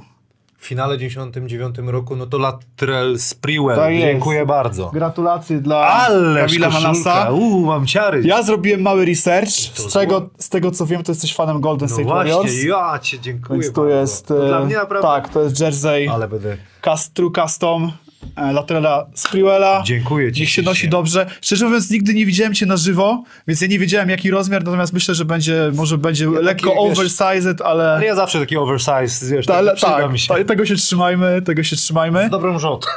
Więc e, koszulka, jak gdzieś kurde. zobaczycie gościa w Polsce w białym jerseyu Latrella Sprewella, to prawdopodobnie to będzie zakładam. Kamil Hanas. Właśnie ja też sobie chciałem jeden jersey założyć, żeby nie było głupio, że ty założysz, a ja nie założę. Pan Adam, kurde, w majku będzie chodził po rewolucji. Co... Ja jestem wiernym fanem Los Angeles Lakers, e, a ulubionym zawodnikiem jest Ron Artest, więc to jest jego meczowa koszulka z mistrzowskiego sezonu 2009-2010. No jest jest jest, jest, jest no. jego autograf nawet z tyłu. Jak ty to zdobyłeś na A, no, się opowiadaj. gra- no, się no gra to się teraz- ma, się no gra to, się ma. No to opowiadaj, jak już wyciągnąłeś taką petardę za uszy i Aukcja, opowiadaj. aukcja była źle podpisana na eBayu. Bardzo często się tak. Właśnie, co ja robię generalnie całymi dniami? Siedzę na kompie, a nie na kompie, w sensie e, na, na, na komputerze, w sensie w internecie. przeglądam sobie różne serwisy aukcyjne i tam się bardzo często pojawiają jakieś różne rzeczy, które są źle podpisane. I ten artest, słuchajcie, ja go wyciągnąłem za 149 dolarów. Czyli to jest bardzo śmieszna kwota, jak za meczówkę z autografem i tak dalej. Eee, no i co? No i y, przyszła. No, tak szczerze mówiąc, przez chwilę myślałem, że, że czasami tak się zdarza, że sprzedający wrzuca zdjęcie jednej rzeczy, a to, co ma do sprzedania, to jest w ogóle coś innego. Natomiast tu przyszła jego koszulka, więc y, byłem mega podjarany, a to było w zasadzie rok po zdobyciu mistrzostwa. Więc y, te rzeczy Lakersów wtedy były mocno, mocno w cenie. Ostatnio jak Lakersom słabo szło, to te rzeczy Lakersów bardzo zeszły z cen, tak myślę, że o 50% nawet, jeśli nie lepiej. Natomiast odkąd zdobyli mistrzostwo w zeszłym roku, to już jest tak słabo z rzeczami Lakersów. Bardzo ciężko je dorwać w rozsądnej cenie. Więc tak, to jest meczowy jersey Artesta z y, 2010 roku. 37, numer 37, wiecie dlaczego? E, dlatego, że w dniu, kiedy podpisywał kontrakt z Lakersami, to był dzi- dzień, w którym zmarł Michael Jackson, dzień po w zasadzie. I chciał oddać jakiś hołd y, Michaelowi Jacksonowi e, i zapytał kibiców o jakieś tam e, propozycje. No i wybrał chyba taką, że przez 37 tygodni, e, nie wiem czy album, czy singiel e, thriller były przez e, 37 tygodni numerem jeden w jakiejś tam liście billboardu, czy czegoś takiego, dlatego 37. Tu kilka koszulek artysta jeszcze będzie, więc on te numery zawsze sobie jakoś tam wybierał Mega, z, mega, różnych mega. Dziwnych spo, z różnych dziwnych Ale względów. poczekaj, Rafał, bo, bo to jest meczowa, ale to on w niej grał? Tak, no Bo właśnie. ja, żeby, to, bo, to, to jest, bo ja jestem tak podjarany, że może mi to umknęło. On Te w niej grał w tak, finale. on w niej grał. Te wszystkie koszulki, które dzisiaj przywiozłem, to są za, to koszulki albo zawodnicy w nich grali, albo to są tak zwane backupy koszulek meczowych, czyli game issue to się nazywa. I to są koszulki, które są wyprodukowane dla zawodnika, leżą sobie w szatni jako koszulki często rezerwowe, albo leżą sobie u gościa, który jest menadżerem tych wszystkich y, rzeczy. I na przykład jak zawodnik, nie wiem, zużyje mu się ta koszulka, albo ją da kibicowi, powiedzmy, Okej. i, albo pójdzie na jakąś tam aukcję i tak dalej, więc później jest brana z puli kolejnych koszulek gotowych. I to jest tak, że kluby przed sezonem sobie przygotowują pewną pulę koszulek. Jak trzeba w trakcie sezonu, to potrafią sobie do, doszyć te A koszulki. powiedz mi, bo jak już mówisz o, me, o, meczowych, to na każdy mecz jest nowa Yy, w NBA? Lepsi zawodnicy, tak, lepsi zawodnicy mają meczową y, nową, czasami nawet dwie i od razu na przykład jak mówimy o Lebronie czy, czy Durancie, to ich koszulki po każdym meczu praktycznie są sprzątane i idą na aukcje charytatywne, czy to klubu, czy to zawodnika, czy, czy no tam różne są programy powiedzmy super. takie charytatywne, więc te koszulki tak. Natomiast y, wcześniej to różnie z tym było, na przykład w latach 80. zawodnicy mieli jedną, dwie koszulki na cały sezon. Więc jak komuś, y, więc były często takie sytuacje, że na przykład jak przychodził nowy zawodnik do klubu i klub y, nie bardzo miał puste koszulki, to na przykład ściągano numery i nazwiska z koszulki, która była, naszywano nowe numery e, i bardzo często można takie rzeczy... W Śląsku jak byłem, to nie będziemy wyrzucać, to przy, przedsezonowe zagrami zalepione tejpami były tak, wiesz. Sponsorzy. Nie, nie, nazwiska, tylko Nazwiska. sponsorzy nie, tam sponsorzy to... Aha. No właśnie w, w Europie wszystkie koszulki się wykleja. Albo folią flex, albo sito drukiem, czyli to jest malowanie farbami. No, E, natomiast w Stanach Zjednoczonych większość rzeczy teraz się wyszywa, bo... to jest sitodruk. Nie, to jest wyszyte. To jest standardowe wyszycie. Są specjalne mat- materiały, z których robi się to numery i literki Piękna i wszystko. Jest, naprawdę, no jest, mucha nie siada. Mucha nie siada. Mm. Jak już zapytałeś o ten sitodruk, to może zaczniemy od pierwszej koszulki. Tak, tak, bo no tu mam dużo tych, czytałem też na probaskecie. Robiłeś research na mój temat? No, pomogłeś mi na pewno, tutaj jest tyle, te, taka terminologia Duża jest... wiedza, duża ilość wiedzy. Jak, jak możesz, to opowiadaj, ja ci tak naprawdę oddaję ten program. To jest najstarsza koszulka w mojej kolekcji. Pokażemy może jeszcze do kamery troszeczkę. Możesz ty, kurczę. A rocznik, nasz rocznik, tak panie Adamie? 8-4? Korzyn! Dave Corzin z jego autografem. Ale klasyk. O tą koszulkę ocierał się Michael Jordan. Zostaw. tak, naprawdę, słuchajcie, y, tych koszulek wtedy zawodnicy mieli może dwie, trzy. E, Na pewno mam zdjęcie Dave'a Corzin, który rzuca w tej koszulce, rzut, wykonuje rzut osobisty. Jesteśmy w stanie No stwierdzić... to ja będę wrzucał na Insta fotę. Jesteśmy w stanie stwierdzić na podstawie ułożenia dziurek przy napisie Bulls albo przy położeniu dziurek przy numerze 23 z przodu, że to jest dokładnie ta koszulka. I no i właśnie, tutaj mamy do czynienia z sitodrukiem i z winylem. I teraz tak, sitodruk to jest to, co jest tutaj. Czyli jesteśmy w stanie zobaczyć dziureczki na tych wszystkich napisach. Natomiast winyl to jest taka folia, Pewnie w, większość koszulek w Polsce jest, jest, jest y, personalizowana dzisiaj folią flex, taką cieniutką folią, natomiast w Stanach jest folia winylowa, która jest grubsza i ta folia wytrzymuje, jak widać, 37 lat. I poza kolorem koszulki, który pewnie się troszeczkę zrobił bardziej czerwony, e, nic się koszulka nie zmienia. Ktoś usunął metkę, natomiast jest też metka wewnętrzna firmy Ravlings i ona nam pokazuje, że mamy do czynienia z rozmiarem 46 adult. Mega. Więc to jest najstarsza kolekcja w mojej koszulce, w mojej, jest najstarsza koszulka w mojej kolekcji. Eee, no tak, no Powiedziałeś 84. 84, tak. Debiutancki, debiutancki sezon Michaela Jordana. Jordan grał tylko jeden sezon w koszulkach właśnie tych takich, yy, z czymś takim. Jedziemy dalej. Idziemy dalej. Ja pierdzielę. Był tu Kacpa z koszulką Mike'a Ansleya czarną, ja przywiozłem do was y, białą. Legenda, legenda polskich y, parkietów. Big Mike, kurde. Big Mike, pozdrawiamy. Jeśli nas słuchasz, to pozdrawiamy. Big a Mike, jeśli... kurczę, jak nas słuchasz, to, to, to cię zapraszam po polsku zresztą bardzo Świet- dobrze Ale mówi. w ogóle jest świetnym gościem. Ja tu mam od razu historię z Mike'iem. no to dwie. dawaj, Ja dawaj, nawet mam historię. Dawaj, dawaj. Pierwsza jest taka, że na trening Wisły kiedyś e, studiowałem w Krakowie, grałem w, w rezerwach Wisły w e, trzeciej lidze i mieliśmy czasami treningi obok siebie No. i przyniosłem kartę, może nie, to nie był Upper Deck, natomiast to chyba Skybox z 89 roku, z debiutanckiego sezonu Michaela Ansleya i przyniosłem mu tą kartę i pokazałem mu tą kartę. Mike, patrz, tu mam twoją kartę. I tak spojrzał, tak mówi, no faktycznie to ja. Nie? I tak pamiętam, że chłopaki z Wisły w ogóle jak zobaczyli tą kartę, to byli w szoku, że w ogóle wow, Mike, masz takie karty, masz w ogóle, są twoje karty takie, nie? Także chyba sami zawodnicy też chyba czasami sobie nie zdawali sprawy, sprawy z tego, z kim był Mike Ansley. Natomiast y, zabawna historia z Mike'iem jest taka, myślę, że już dzisiaj nikogo nie zwolnią z pracy za to. Natomiast Mike dostawał mieszkanie w Krakowie od klubu, które było przez klub opłacane. E, I na Sylwestra gdzieś tam sobie wyjechał i był zawodnik, którego też dzisiaj serdecznie pozdrawiam, Grzegorz Dudzik, grający wtedy, w, w, trenujący, no, grający w pierwszym zespole w Ekstraklasie z Wisłą. E, Dudzik był naszym, mieliśmy taką paczkę, e, ja, Wojciech Eliasz Radzikowski, który dzisiaj jest asystentem trenera w Polkowicach, gruby Michał Dudziewicz właśnie i Dudzio. Często spotykaliśmy się gdzieś tam w czwórkę, wra- wracaliśmy razem z treningów. No i tam była taka sytuacja, że nie mieliśmy za bardzo co robić w Sylwestra, no i Mike powiedział, no to macie, Dudzio, masz tu klucz od mojej chaty, zrób sobie imprezę. No i zrobiliśmy tą imprezę i ta impreza była tak mocna, że łóżko rozwaliliśmy Mike'owi. Nie, może nie mówmy, jak doszło do No to tego. ciekawe akurat. Natomiast poszło na, poszło na Mike'a. Znaczy nikt się chyba w klubie nie zdziwił, że Mike po prostu zarwał może to łóżko czy coś. Natomiast my byliśmy przerażeni w ogóle, że kurczę, łóżko rozwaliliśmy Mike'a, w ogóle co będzie, co będzie. Nie? Natomiast y, fajna historia. I jeszcze była też taka historia, pamiętam, że w ogóle Mike jest świetnym gościem. Ja go czasami spotykałem na turniejach w Polsce 3 na 3 więc y, można zawsze z nim zagadać. W ogóle nie ma żadnej takiej, nie wyczujesz żadnej y, bariery. On z każdym porozmawia. Taki był jak grał, też go pamiętam No. jak grał, to taki facet, czy to byłeś młody, czy stary. Tak, on... tak, tak, tu tak, dokładnie, tam. dokładnie. I była taka sytuacja, pamiętam, że jakiś tam był problem. Jak zwykle w Krakowie jest problem z kasą y, na koszykówkę. Nie dostali zawodnicy pieniędzy, no i był strike. Był strike. E, trenował, może dwóch, trzech zawodników trenowało z tego pierwszego zespołu, no i żeby się trener, tre- trening odbył, no to zawołali rezerwy z trzeciej ligi, żeby przyszły pograć z tymi, którzy zostali. Został chyba Tam był jakiś taki polski rozgrywający, już nie pamiętam, czy to był Szcześniak, być może to był Szcześniak, albo, no nieważne. Paweł, Paweł. Chyba tak, chyba tak. A tam chyba też Larry, y, Larry Hughes, nie, Brandon Hughes. Brandon Hughes, jaką on miał windę, jakie on paki robił. Naprawdę, jak patrzyło się, koszykówka w telewizji, a koszykówka na żywo, to wiesz doskonale, że są dwie różne Brandon rzeczy. był strasznym kotem, kurde. No, on w ogóle, ja nie, wiem, ja nie wiem, czy to było dozwolone. On miał zapuszczonego paznokcia w środkowym Ojej, palcu Pa, pazur miał straszny. na centymetr.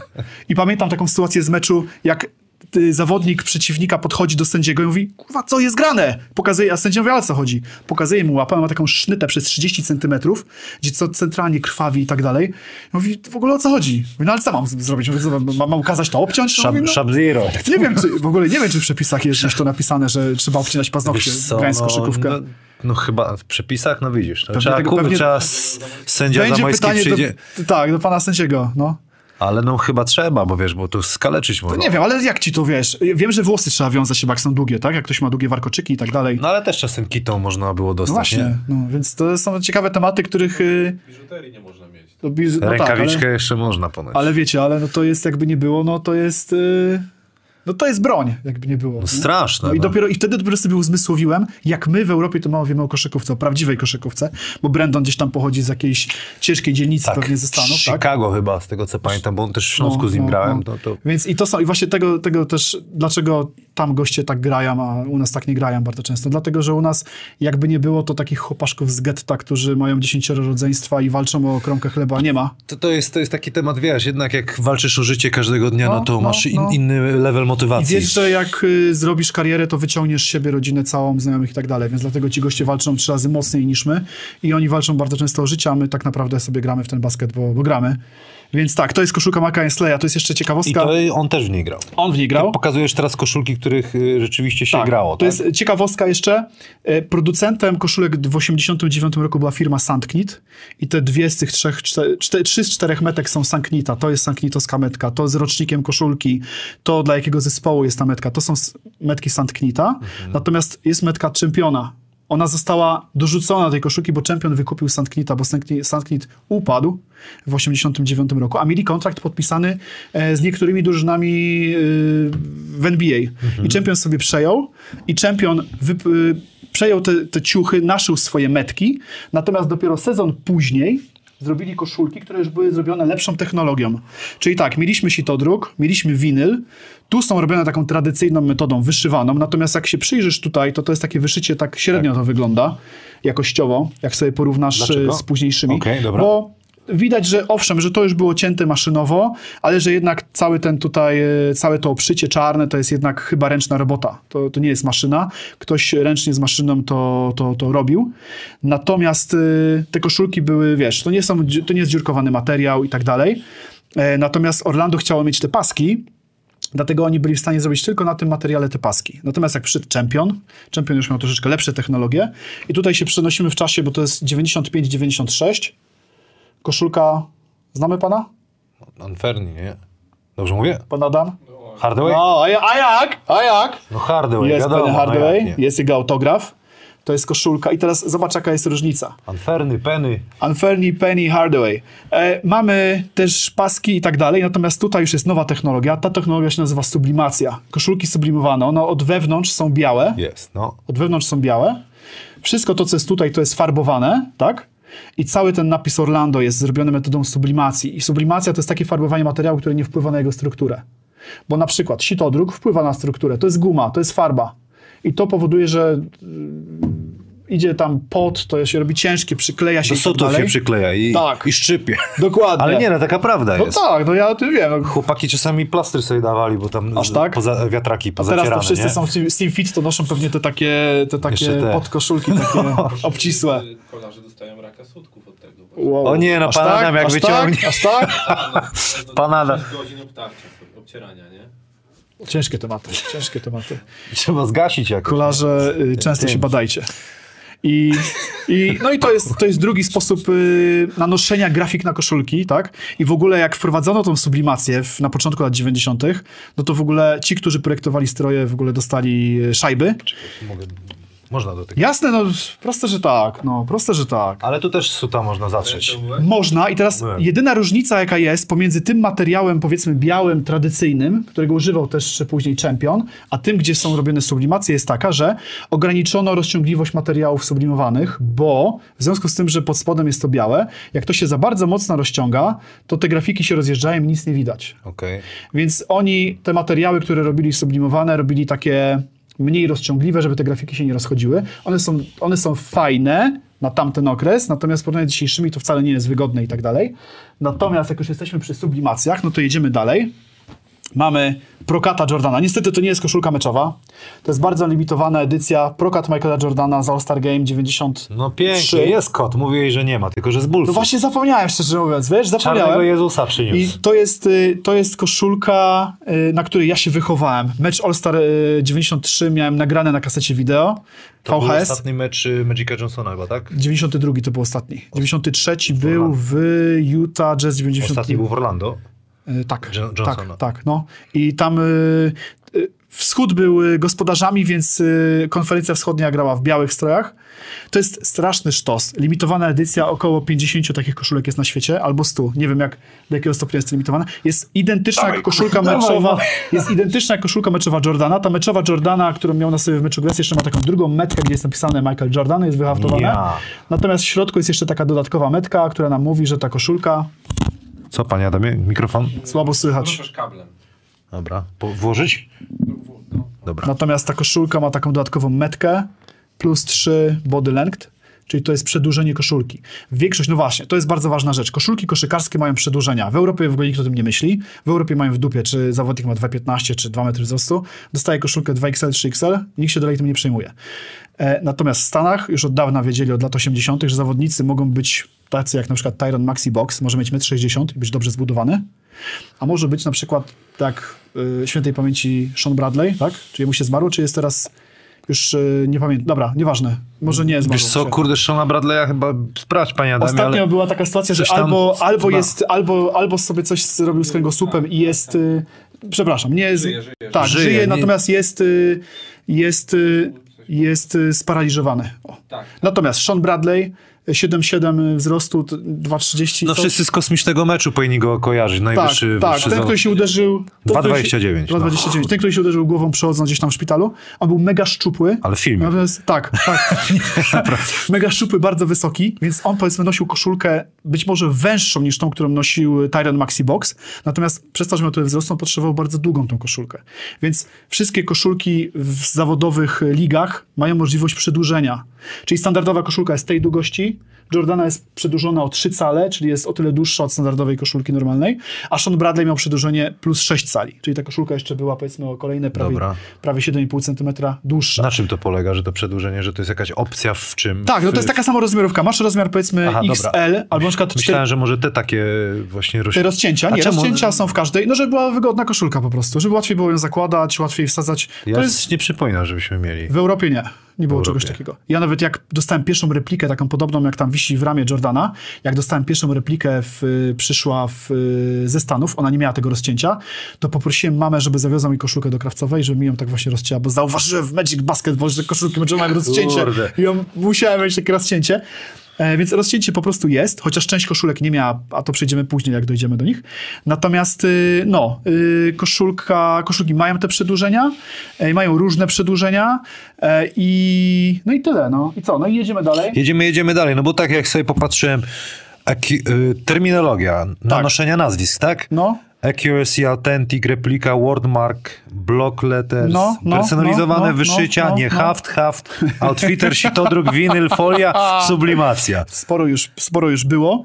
E, Utah Jazz. Utah Jazz, z, koszulka z lat 90. i to też jest ciekawostka, bo teraz tak, cała koszulka jest robiona metodą sitodruku, czyli mamy farbowane numery, farbowany wordmark, natomiast nazwisko z tyłu jest naszyte. I teraz dlaczego nazwisko jest naszyte? A więc dlatego, że sitodruk polega na tym, że trzeba zrobić sita. I zrobienie sita wszystkim cyfrom to jest tak naprawdę 10 sit, tak? 0, 1, 2, 3, 4 do 9. I z tych sit możemy sobie zrobić numery 93, 15 i mamy bardzo, mamy tak naprawdę bazujemy na kilku sitach.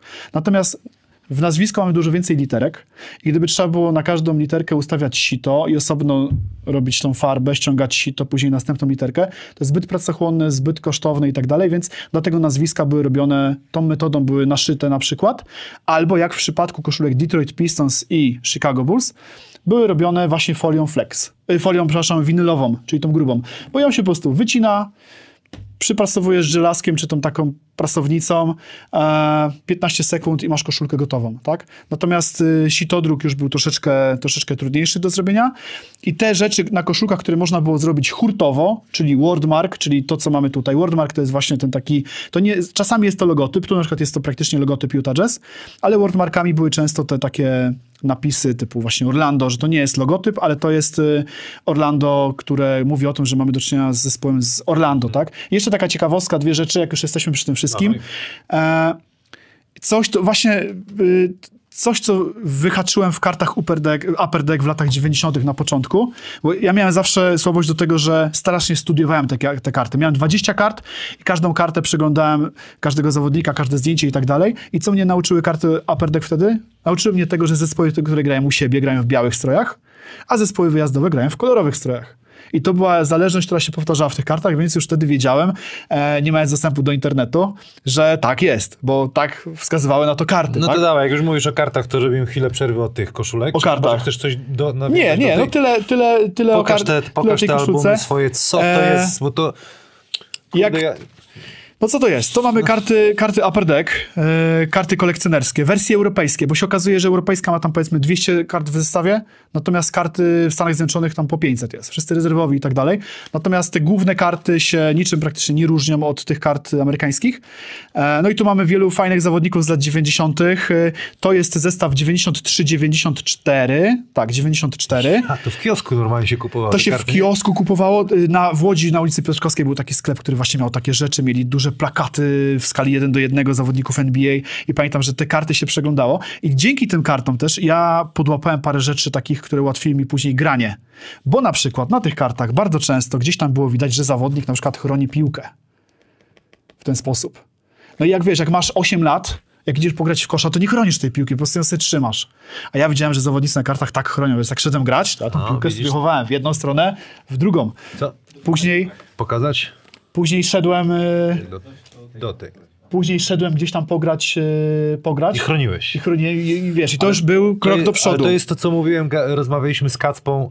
Zresztą Kacpa, dziękuję ci za to, bo kurczę, no jednak nakręcił na ten odcinek, Aha. że, że bo on zajmuje się, wiesz, no super y, tą, tą młodzież prowadzi i wiele, wiele ciekawych rzeczy, ale myśmy się uczyli naśladując y, chłopaków z Tak. Ligi NBA. Ja patrzyłem, Tak. jak tyłem do kosza się gra, Tak. jak się haczyki rzuca. Tak. Nikt tego, skąd mnie, kto miał nas nauczyć? Dokładnie. I tu jeszcze nie mogę znaleźć zdjęcia z takiej karty, ale były na przykład zdjęcia, jak zawodnicy robili stretching przed meczem, jak się rozciągali.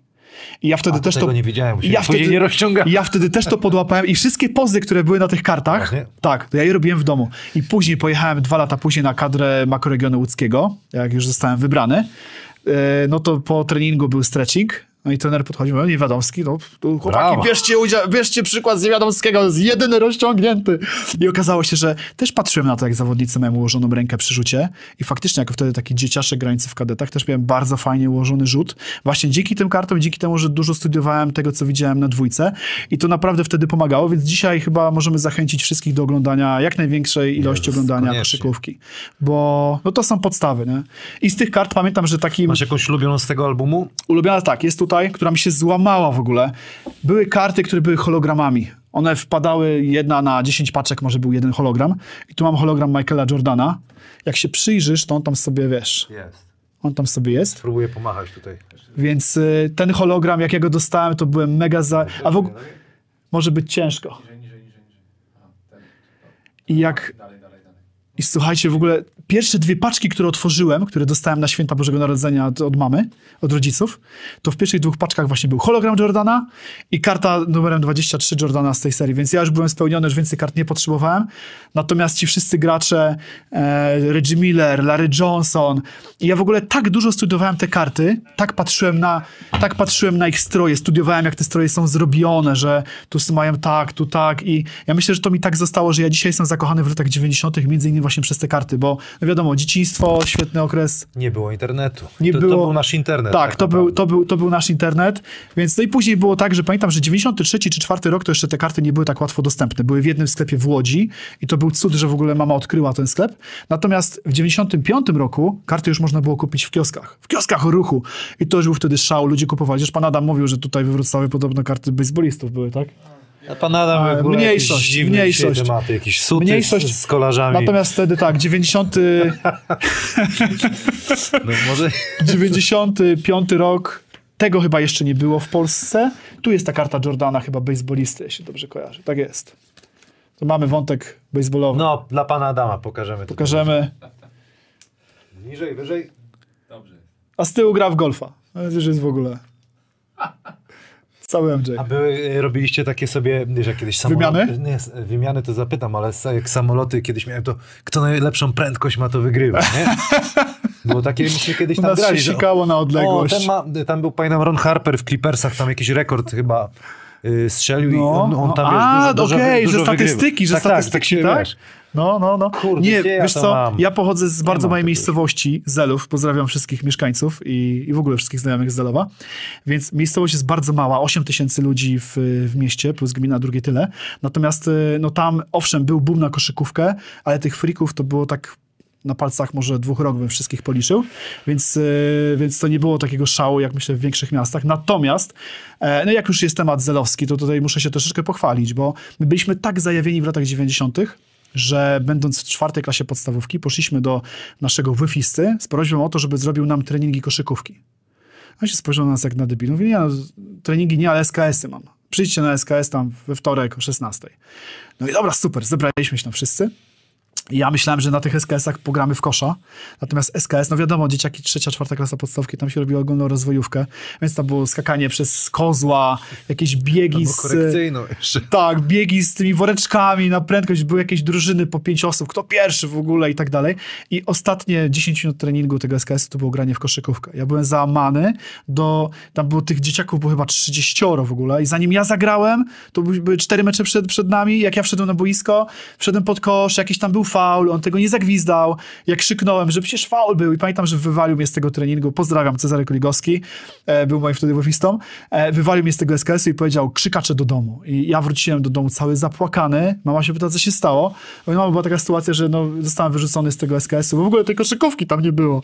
No i matka poszła do dyrektora tej szkoły, Henryk Kaczorowski, złoty człowiek, złoty wofista, taki st- wofista starej daty.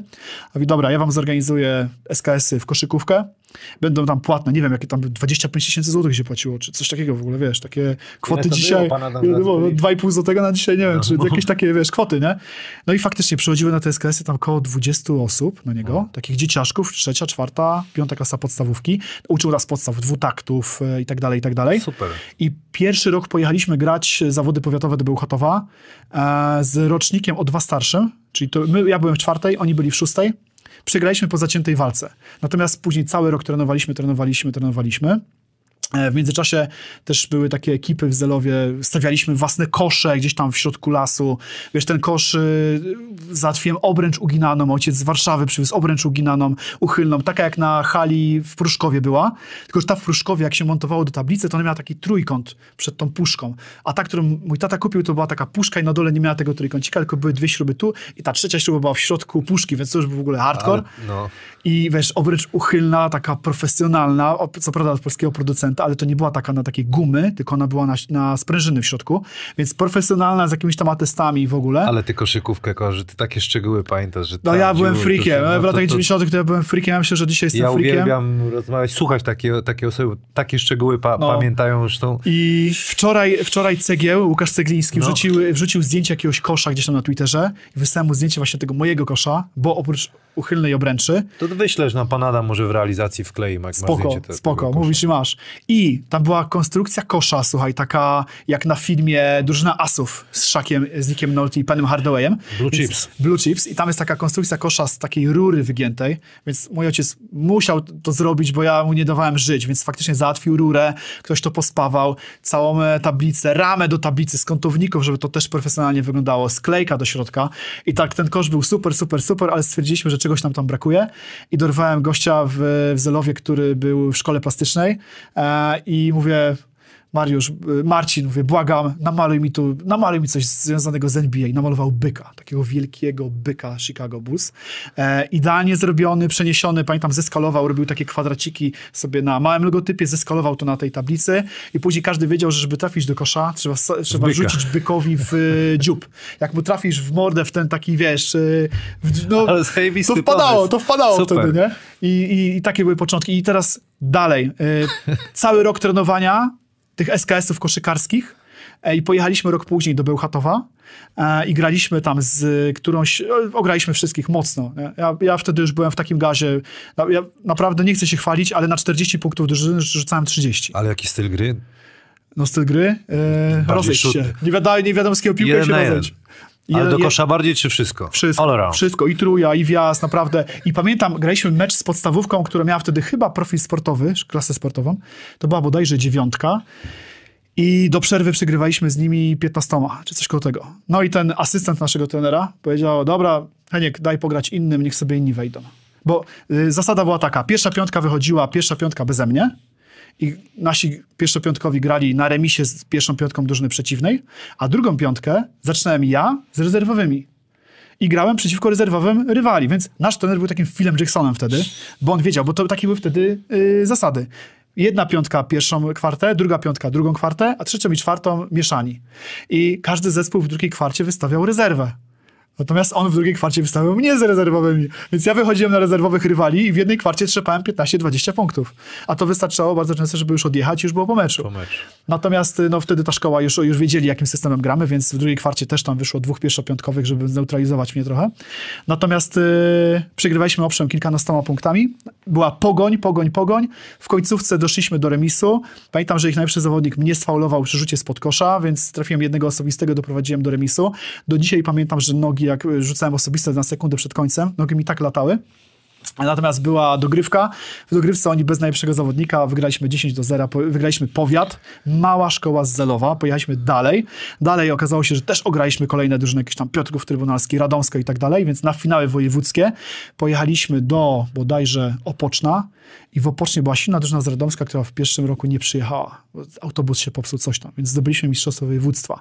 Później pojechaliśmy na makroregion i na makroregionę same ekipy. Włocławek, Łódź, Kutno, Ostrów, same wielkie miasta, e, gdzieś, gdzie były szkoły sportowe, bardzo często z, y, ukierunkowane już na koszykówkę, a tu przyjeżdża mała podstawówka z Zelowa i my pamiętam, wygraliśmy bodajże jeden me- mecz albo dwa i pamiętam, że trener drużyny przeciwnej był tak wściekły na swoich zawodników, że wziął mapę, rzucił mi tą mapę po meczu, pokazał mi tą małą kropkę, widzicie, to jest kurwa Poważnie? Zelów. Tak, to jest Zelów, z nimi przegraliście, dzięcioły, nie?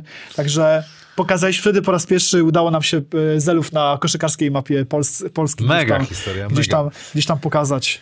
Słuchaj, jeszcze y, mam takie pytanie, bo ciekawi mnie to a propos tych kart.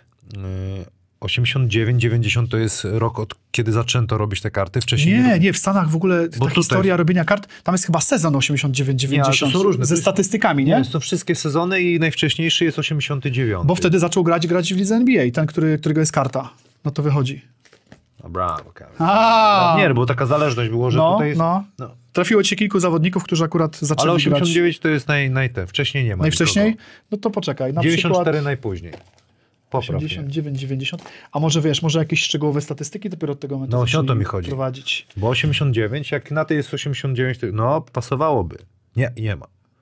Jest tutaj e, Orlando Ulrich jest już wcześniej, czyli prowadzili wcześniej. Dobra, wszystko się Jest zgadza. wcześniej.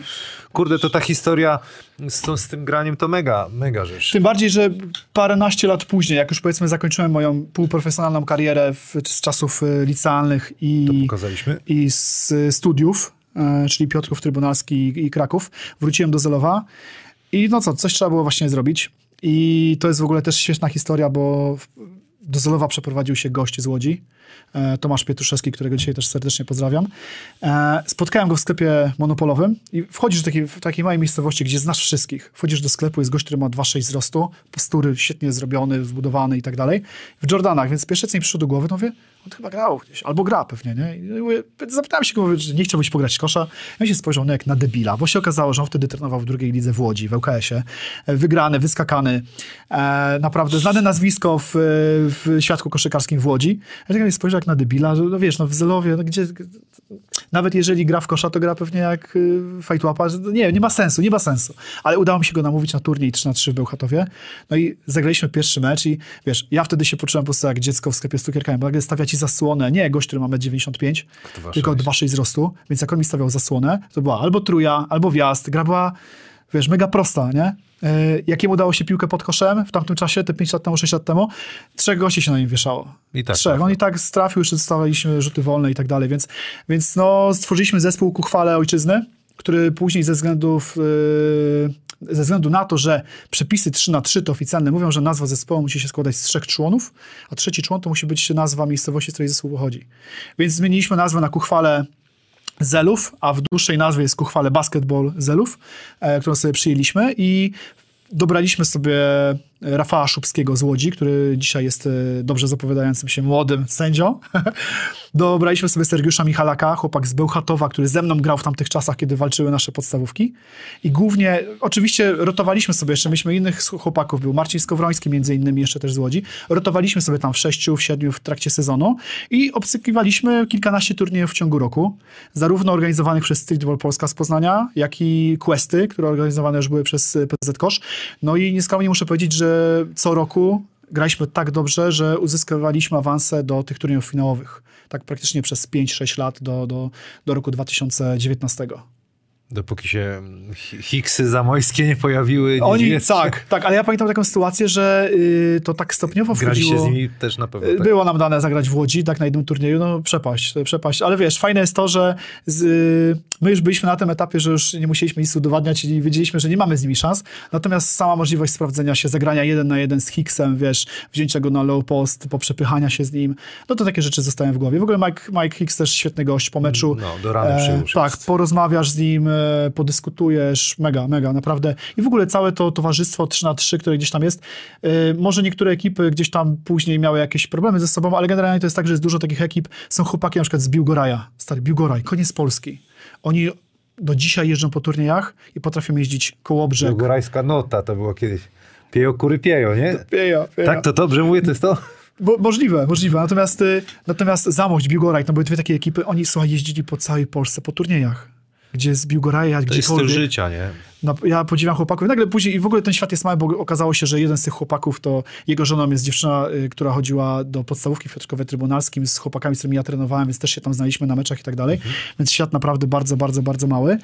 E, No i przez to 3 na 3 to ku chwale basketball, no myślę, że kilka, kilka niespodzianek takich mocnych sprawiliśmy, bo ogrywaliśmy czy to późniejszych mistrzów Polski e, w Sopocie, czy na przykład pamiętam taki turniej e, w, na Mazurach przyjechała ekipa z Litwy goście po 2 metry wzrostu średnia, trójeczka, wybieganie, widać, że jakaś tam druga liga litewska czy coś takiego. No i my tak na tej rozgrzewce już mamy swoje lata, już nie każdy pakuje, już nie rozgrzewamy się za mocno, żeby mieć siłę na mecz, nie?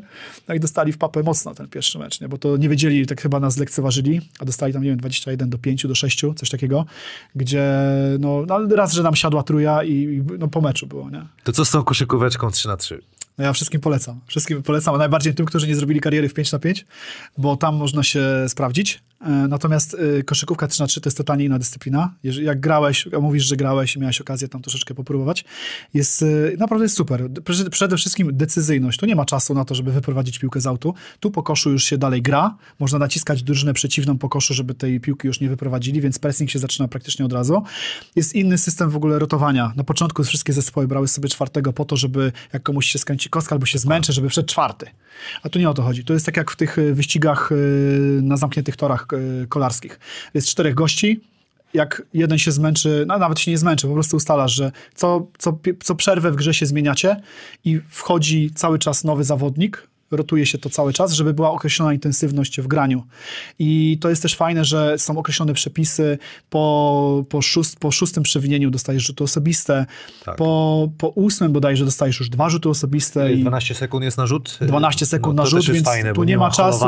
i tak, tak. E, Tam w ogóle na początku były takie śmieszne przepisy w pierwszym sezonie, że na przykład jak zablokowałeś gościa pod koszem, to miałeś od razu zbiórkę i musiałeś wychodzić za linię trzech punktów, tylko od razu mogłeś, Mogłeś rzucić. rzucić. to. Więc to był w ogóle hardcore. Na szczęście po roku to zmienili w tych oficjalnych przepisach. Natomiast to sędziowanie też jest totalnie inne. I pamiętam pierwszy turniej, który graliśmy, ten taki e, rangi mistrzowskiej w, w Gdyni. W Gdyni przy tych statkach tam było, to chyba w Gdyni to było. E, I tam był taki myk, że byli sędziowie z Holandii którzy dzień wcześniej szkolili wszystkich e, sędziów, którzy przyjechali na ten turniej. I ten turniej to była masakra, bo po pierwsze grasz przy, przy morzu, wieje, więc zespoły, które, yy, Bazowały zespoły, na które rzucie. bazowały na trójce, dobranoc, już było na dzień dobry. Jeżeli nie miałeś siły pod koszem, to też było ciężko, ale musiałeś zabijać tą siłą pod koszem, bo sędziowie mają takie wytyczne, że w tej koszykówce yy, na boisku jest kontakt, yy, sędzia to gwizdże, no 5 na 5. Tam? Mm-mm. Tam, jeżeli naprawdę już ktoś cię ściągnie do parteru, to wtedy jest dopiero gwizdek, chociaż w ostatnich latach też to się troszeczkę zmieniło. Natomiast te turnieje, y, jest takie założenie, żeby puszczać grę generalnie. No ale kurde, ja pamiętam te streetball, co jeszcze sędziów nie było, to była Nie, masakra. W finale to nie, było co, co, gówno, wiesz, moja spierdalaj, no takie były Tak, teksty. tak, to tak, silniejszy tak, to tak. miał piłę. Tak, Cały czas w tak, ataku tak. byłeś 10 razy i I nie było, chem, nie było i zegara, nie było zegara, więc jak ktoś prowadził 10 do 6, to przetrzymał piłkę dwie No, minuty. to? No, to absurd, no, może dlatego tak e, później Ale mi się odechciało, się, nie? to już się dużo zmieniło, a nawet jeżeli nie jest profesjonalne boisko i Co się cieszysz, panie Adamie?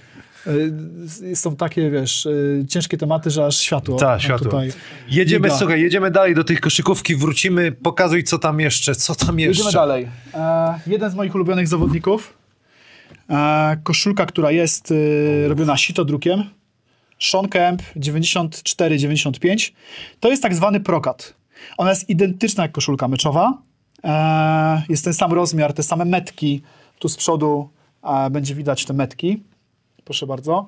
Jest metka czempiona, rozmiar 48, body length plus 4, sezon 94-95.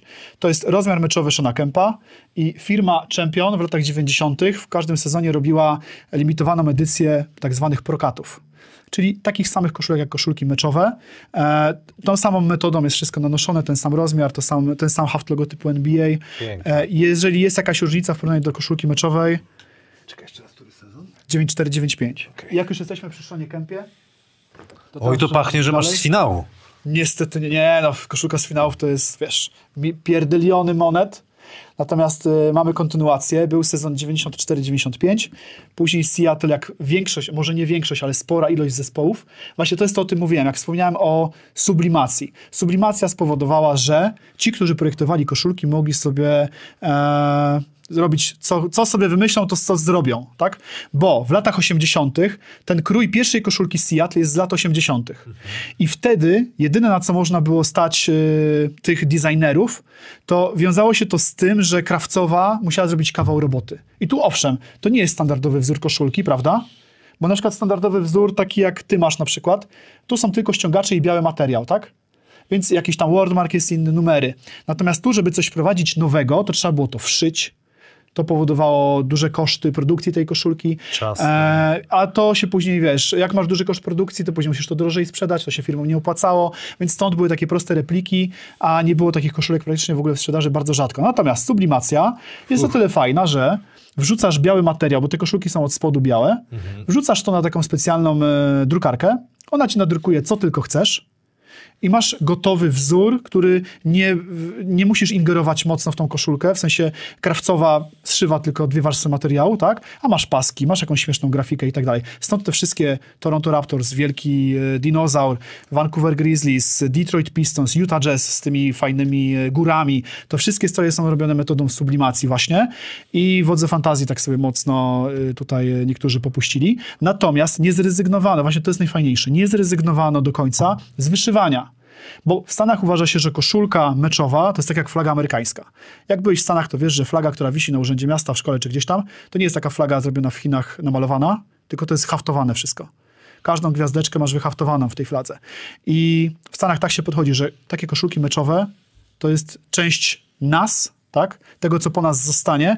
I ta koszulka za 50 lat Ma pokazywać, że my wtedy podchodziliśmy do tych Szacunek, tematów z szacunkiem e, i tak dalej, więc tu jest wszystko wyszyte zygzaczkiem elegancko, haftowany piłeczka, która też jest tutaj naszyta, więc to jest naprawdę taki miks, sublimacja i, i wyszywanie. I kolejną taką koszulką z lat 90. A przepraszam jeszcze zanim, No, y, zanim y, pokażesz, jak y, czasowo, jak się, jaka naj, najszybciej koszulka, która została zrobiona, a najdłużej? Są, masz takie y, wiesz wi- co, wiadomości? yy, chodzi ci o sam, same no wiem, na prace przykład, nad... ile taka koszulka czasowo zajmuje produkcja? No, wiesz co, nie, ja myślę, że myślę, że jak krawcowa się za to bierze, są to firmy specjalne i tak No. dalej, więc ja myślę, że wyprodukowanie pustej koszulki to tam jest... Yy... Wiesz, oni... To jest bardzo dobre pytanie w sumie. Może lepiej powiem, że nie wiem, ale Okej. pewnie jest koło tygodnia, pewnie firma potrzebuje na to, żeby od projektu po wydrukowanie, zszycie i tak dalej, wtedy potrzebuje pewnie e, firma, żeby to zrobić. Natomiast coś, czego to jest tak, że meczowe koszulki do klubu trafiają puste. Bez nazwisk, bez numerów. Jest tylko obszyty ten napis tutaj Sonix. E, pod kluby, pod kolory, które są używane przez klub, odpowiednie odcienie żółtego, zielonego, nie wiem, kolorów, które używa klub, są tworzone właśnie te takie materiały, z których się tworzy te napisy. I klub na podstawie tego dostaje puste koszulki w różnych rozmiarach. To są rozmiary, tu mamy rozmiar 48 plus 4. 48, czyli takie solidne XL, a plus 4 o 4 cale dłuższa. Natomiast mniejsi zawodnicy mają rozmiar na przykład 42 plus 3 plus 2. Więc klub dostaje powiedzmy 200 koszulek e, w różnych rozmiarach i przed sezonem każdy zawodnik jest mierzony, dostaje do przymiarki koszulkę w rozmiarze powiedzmy 45, 46 albo 50 i mówi, że na przykład ta koszulka jest spoko, albo że na przykład ja w tym sezonie chcę mieć większą, luźniejszą. Więc zapisuje, że chce taki i taki rozmiar i klub produkuje mu ileś tam tych koszulek na ten sezon. Jak się skończą w trakcie sezonu, to mu doprodukuje jeszcze kilka tych koszulek. I po sezonie, jeżeli w klubie zostanie zbyt dużo koszulek, bo tak czasami jest, bo muszą mieć, muszą mieć e, pewną ilość koszulek więcej, No normalne bo zawsze. transfer, bo coś tam. Więc po sezonie te koszulki puste czasami zostają i klub na przykład sobie obszywa, jak jest rozmiar Shona Kempa, obszywa na koszulki Shona Kempa, idzie na aukcję charytatywną. Albo na przykład rozdaje puste koszulki swoim kibicom, tym, którzy mają bilety jakieś tam sezonowe i tak dalej, i tak dalej. Nie? Natomiast przed sezonem każdy klub współpracuje z krawcową albo z firmą, dostają te stroje i każdy, w każdym klubie są te stroje obszywane. I wtedy zespoły, zespoły mają w ciągu, myślę, dwóch tygodni komplet wszystkich strojów obszytych, gotowych na sezon. Charlotte Hornets. Charlotte Hornets. Ciekawe, czy zgadniesz, kto to jest. Kurde, 54? To nie był Morning może? Nie, Alonso? 33. Podpowiem A, ci, 33 podpowiem Morning. ci, że to jest sezon 91. O Jezus. 92. To mogę się... To, to... Jego nazwisko padało to dzisiaj. Co? Hu? Ej, tak to nie ma, nie ma takiego bicia, no. No ta, tak to się nie bawimy. Michael Tak to się Ansley. nie bawimy. To jest kolejna koszulka Ale meczowa. tak. Kolejna koszulka meczowa Majka Ansleya z e, Charlotte. On w Charlotte zagrał chyba tylko dwa czy trzy spotkania, jeśli dobrze kojarzę. W każdym razie mało. I tu masz też sublimację. Te paski, które tutaj są, one są też sublimowane, czyli robione tą samą metodą. Ko- jeżeli chodzi jeszcze o koszulki Majka Ansleya, w domu mam jego meczową koszulkę z Uniwersytetu Alabama. Rozmiar 40, chyba 2 plus Też 3. petarda. To musiał być mega szczupły, bo ja w tą koszulkę nie wchodzę, 42. Tak. I pojadę kiedyś do Warszawy, yy, do nie wiem w jakiej sprawie, wcześniej czy później będę miał coś tam do załatwienia, więc mam nadzieję, że się ustawię z Majkiem. Masz Maj- Majka w ogóle w tych... tych W tych nie mam, w tych nie mam, bo, yy, bo, bo nie, bo on był widzem chyba do 93 roku, czy jakoś tak, czy czwartego, był zawodnikiem raczej rezerwowym, więc jego karty w tych europejskich się nie pokazywały. Amerykańskich, tylko to, amerykańskich by się 500, tak? znalazły, tak? Ale miałem tą kartę Skyboxa i mam ją gdzieś w pudle w domu i mam, mam, więc, Okej. więc te koszulki czekają na zrobienie autografu przez y, Michaela Ansleya. A jak jesteśmy przy autografach, to zobaczymy, czy tu będziecie wiedzieli, kto to jest. Ciach. Kurde, to nie, e, Leitner nie gra z 15? No, co to za koszulka z jakiego roku? Od tego zacznij. No, Igrzyska Olimpijskie, pięknie. No ale to w Barcelonie. Nie, tam był, tam Atlanta? był, tam Barcelonę masz tam. Atlanta. Atlanta, no. Podpowiem, że wysoki, jeden z trzech centrów Garnet? powołanych. Nie, Garnet jeszcze się nie załapał wtedy. Kurde, no to Leitner to też nie był, ty już Nie, wiesz. trzech centrów było. Jacy centrzy byli? Baker? Nie. Baker był wtedy chyba w Nie. tej reprezentacji w, w Podpowiem ci, że zdobywał mistrzostwa NBA w latach 90. Jacy centrzy zdobywali mistrzostwa NBA w latach 90. No Hakim Olażu, a? A, widzisz. Ale Trzeba cię naprowadzić, trzeba cię mocno naprowadzić, widzę. Tu jest jego autograf. I to jest w ogóle majstersztyk, jeśli chodzi o wykonanie koszulki, bo masz tak, sublimacja, y, sitodruk, cały ten logotyp USA jest zrobiony farbą, farbą, e, wordmark, e, ściągacze, które też nie są takie standardowe, bo nie mają prostego paska, tylko ten pasek taki zygzak, do tego gwiazdki na pasach bocznych. Jedna z bardziej skomplikowanych koszulek, jakie, jakie powstały w tamtym czasie. I ciekawostka, wiecie jaki klub NBA miał taką czcionkę numerów? Bo czcionka jest zapożyczona, to nie jest oryginalna. Znaczy jest oryginalna, ale jest zapożyczona z jakiegoś klubu NBA. Podpowiem, że koszulka tego klubu NBA nawet tutaj leży na tym stole. Orlando chyba. Tak jest. Tak? Tak, jak, porównusz, jak porównamy tą jedyneczkę z koszulką Penny'ego Hardawaya, to jest ta sama czcionka. Okej. No tak, bo bardziej myślałem, patrzyłem na to. A powiedz mi, co, co, to, co to jest? Bo ja To jest, to jest autentyk, y, Powietrze. autentyk y, Michaela Jordana firmy Mitchell Ness. No. Mnie uczono, żeby raczej nie mówić nigdy źle. raczej mówić w pozytywach. Ja jestem freakiem dla 99 osób na 100. Jak zobaczą taką koszulkę, powiedzą, że jest super. Natomiast mnie boli kilka rzeczy. No to powiedz coś. Na przykład boli mnie to, że ściągacze mają spa, spaprane szerokości pasków. Ten biały jest za No, szeroki. ale to tak przecież to jest teorii, to jest or, or, znaczy oryginał. To jest oryginalna koszulka, tak. Tylko, że meczowa koszulka No. z... Szkoda, że nie wziąłem, bo mamy Larego Johnsona z y, To czemu oni się tak Dream nie Teamu 2. przykładają do tego w takim razie? Money, money, money. Okej. Money. Y, Mitchell Ness został wykupiony przez Adidasa, później został tam komuś sprzedany. Wszystka, cała, cała y, produkcja odbywa się w Azji, w, bodajże w Chinach. Jest made in China. Więc na przykład tak, to wszystko powinno być zrobione sitodrukiem. Czyli tak jak jest tutaj. O, Okej. farbą. Tu mamy folię flex, która jest naklejona, nie widać tutaj dziurek. I na pierwszy rzut oka to wygląda tak samo, bo faktycznie jest naklejone. Natomiast y, to nie jest to. Spaprana jest też w y, czcionka, nie, czcionkę dopracowali w tej wersji. W autentykach była chyba spaprana firmy, firmy Champion. No. Więc w skrócie, wiesz, to są takie detale, na które nikt nie zwrócił uwagi. Detale, ale z 300 baksów kosztuje, nie? 300 baksów kosztuje, tak. Natomiast ja, ja mam problem z firmą Mitchell Ness, bo oni do początku lat 90., do, powiedzmy do 99 roku robili rzeczy, bo ich założeniem było to, żeby robić takie same rzeczy, jak rzeczy meczowe. I w ogóle nie wiem, czy wiecie, jak się zaczęła historia firmy Mitchell Ness. E, W latach bodajże 80. znaleźli belki z materiałami, które, z których produkowano koszulki baseballistom Philadelphia Flyers. Philadelphia, jaki jest zespół baseballowy w Filadelfii? Philadelphia. Adams. Phillies, Philadelphia Mr. Adams. E, I oni znaleźli materiały, z których wcześniej w latach 50. produkowano im koszulki. No i stwierdzili, ej, mamy te materiały, Phillies, mamy te materiały, zróbmy stroje i sprzedajmy to kibicom, bo każdy chce mieć z tamtych czasów koszulki. No i zaczęli produkować takie właśnie rzeczy retro i to się świetnie sprzedało, więc okej, okay, no będziemy dalej produkować inne rzeczy. A to była firma, która generalnie to była taka firma jak każda inna, która produkowała rzeczy, wiesz, klubom po prostu, nie? I tu masz, co masz dalej? Swingmana masz dalej. Tu dostałem y, na urodziny 30 No. prezent od, od żony i od Mega, moich, y, mega. Szanuję bo, przyjaciół. widzę, szanuję, bo widzę, że po pierwsze to jest oryginalna koszulka, natomiast to jest Swingman i Swingman to jest takie połączenie, bo y, tak jak ci napisałem, jak sobie wynotowałeś, mamy trzy główne rodzaje koszulek. Repliki, Swingmany i autentyki. Tak. To są trzy główne rodzaje koszulek sklepowych. Swingman to jest taka koszulka, która już bardzo dobrze przypomina koszulkę meczową autentyka. Natomiast wykończenia są troszeczkę inne, takie wiesz, budżetowe bardziej. Numery na przykład.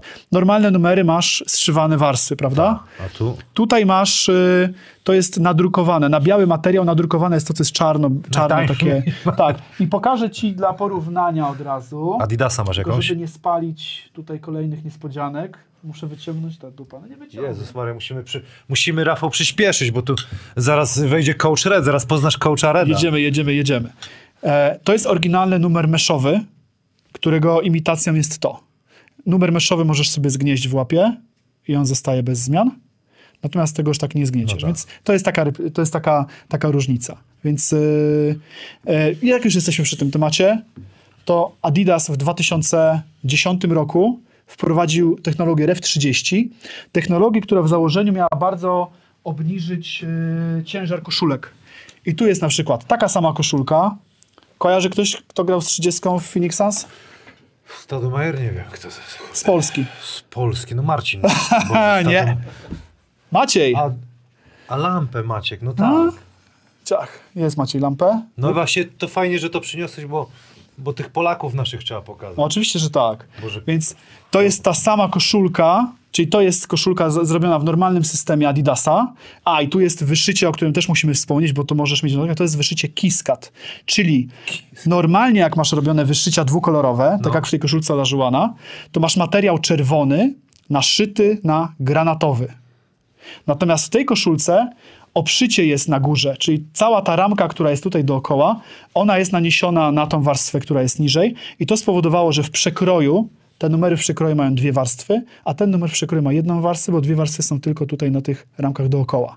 I to spowodowało, że te numery są, wiesz, dwukolorowe, ale są cieńsze niż są tutaj. Różnice widać dopiero wtedy, kiedy mamy do czynienia z numerami, które są 3-4 kolorowe. I tu Reebok jest, nie? Tam jest Reebok y, 2003-2004 bodajże, debiutancki sezon y, Maćka w Phoenixa. De, debiutancki? Nie.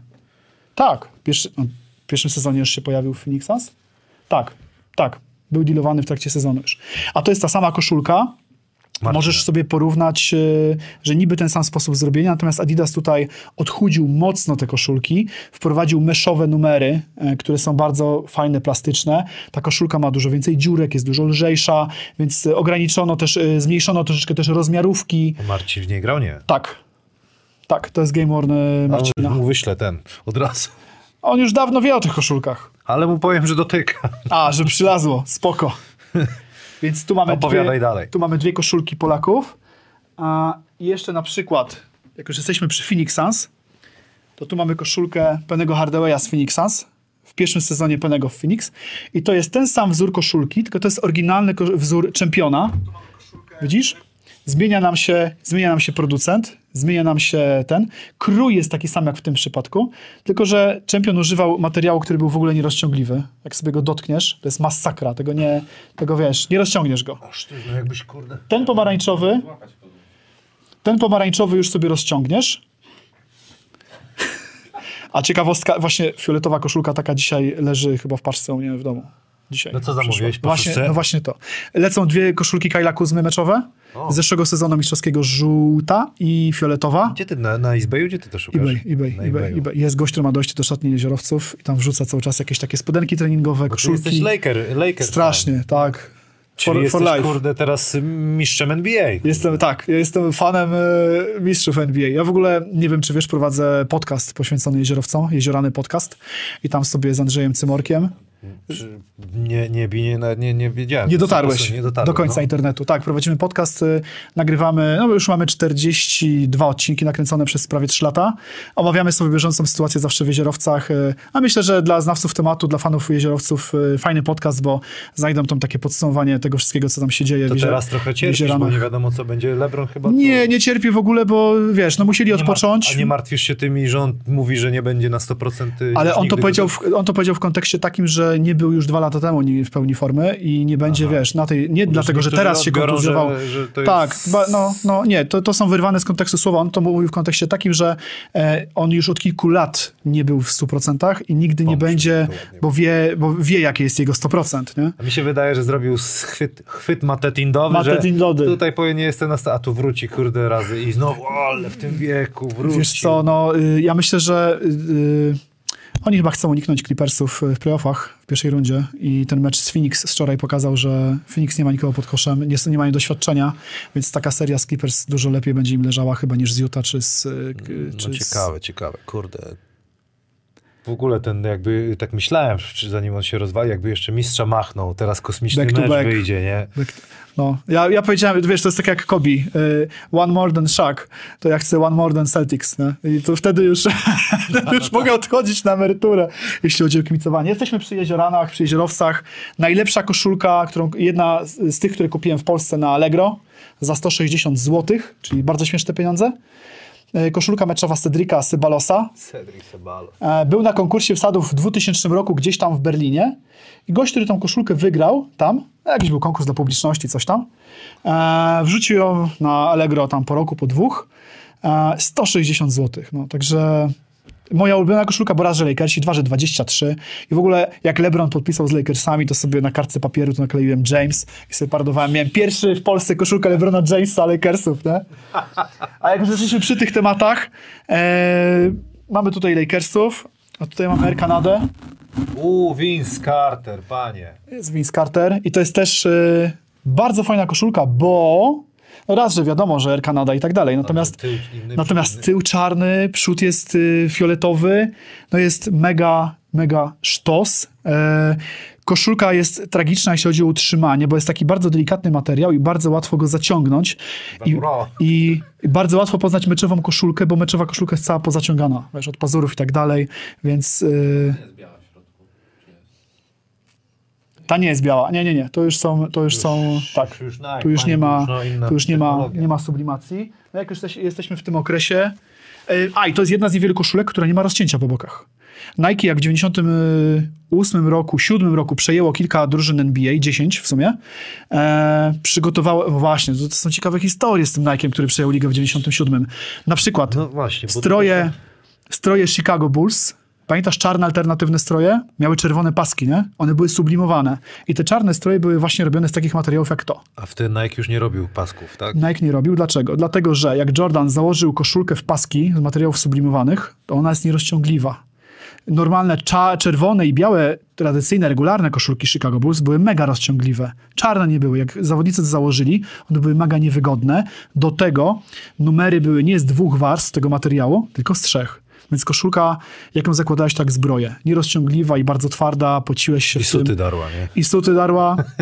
Więc Jordan powiedział, że ni, ni uja, w tym nie będziemy grali. Zagrali jakieś kilka spotkań tylko w tych strojach przez dwa sezony i powiedział firmie Nike, bo wiedział, że już przejmą...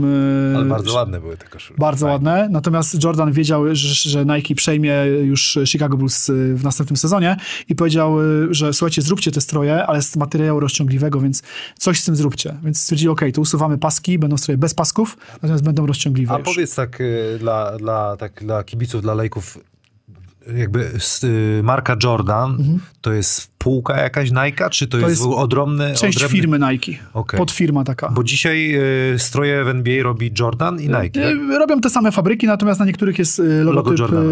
y, Swoosh jest, a na niektórych jest logotyp Jordana. Logotyp Jordana jest na wszystkich strojach All-Star Game od dwóch lat i na wszystkich strojach The City. Y, Nie, przepraszam, The City. Edition, tak? Poczekaj, myślę, czy na The City, czy na tych, na tych jaka jest ta czwarta? Y, Na tam- Airnet, no na, Ernst, miałem na The City, nie, na The City są Pytać, bo są, y, jeszcze jak zeszliśmy na to, bo teraz w ciągu roku jest kilka, ile strojów Tak, jest? jest cztery. Chiński, jest rok chiński, tak, jest MLK Day, tak? Cztery regularne, ale oprócz tego są jeszcze różne takie. Kiedy, powiem ci, że teraz to i tak troszeczkę zmniejszono ilość tych świąte, nie ma świątecznych na przykład.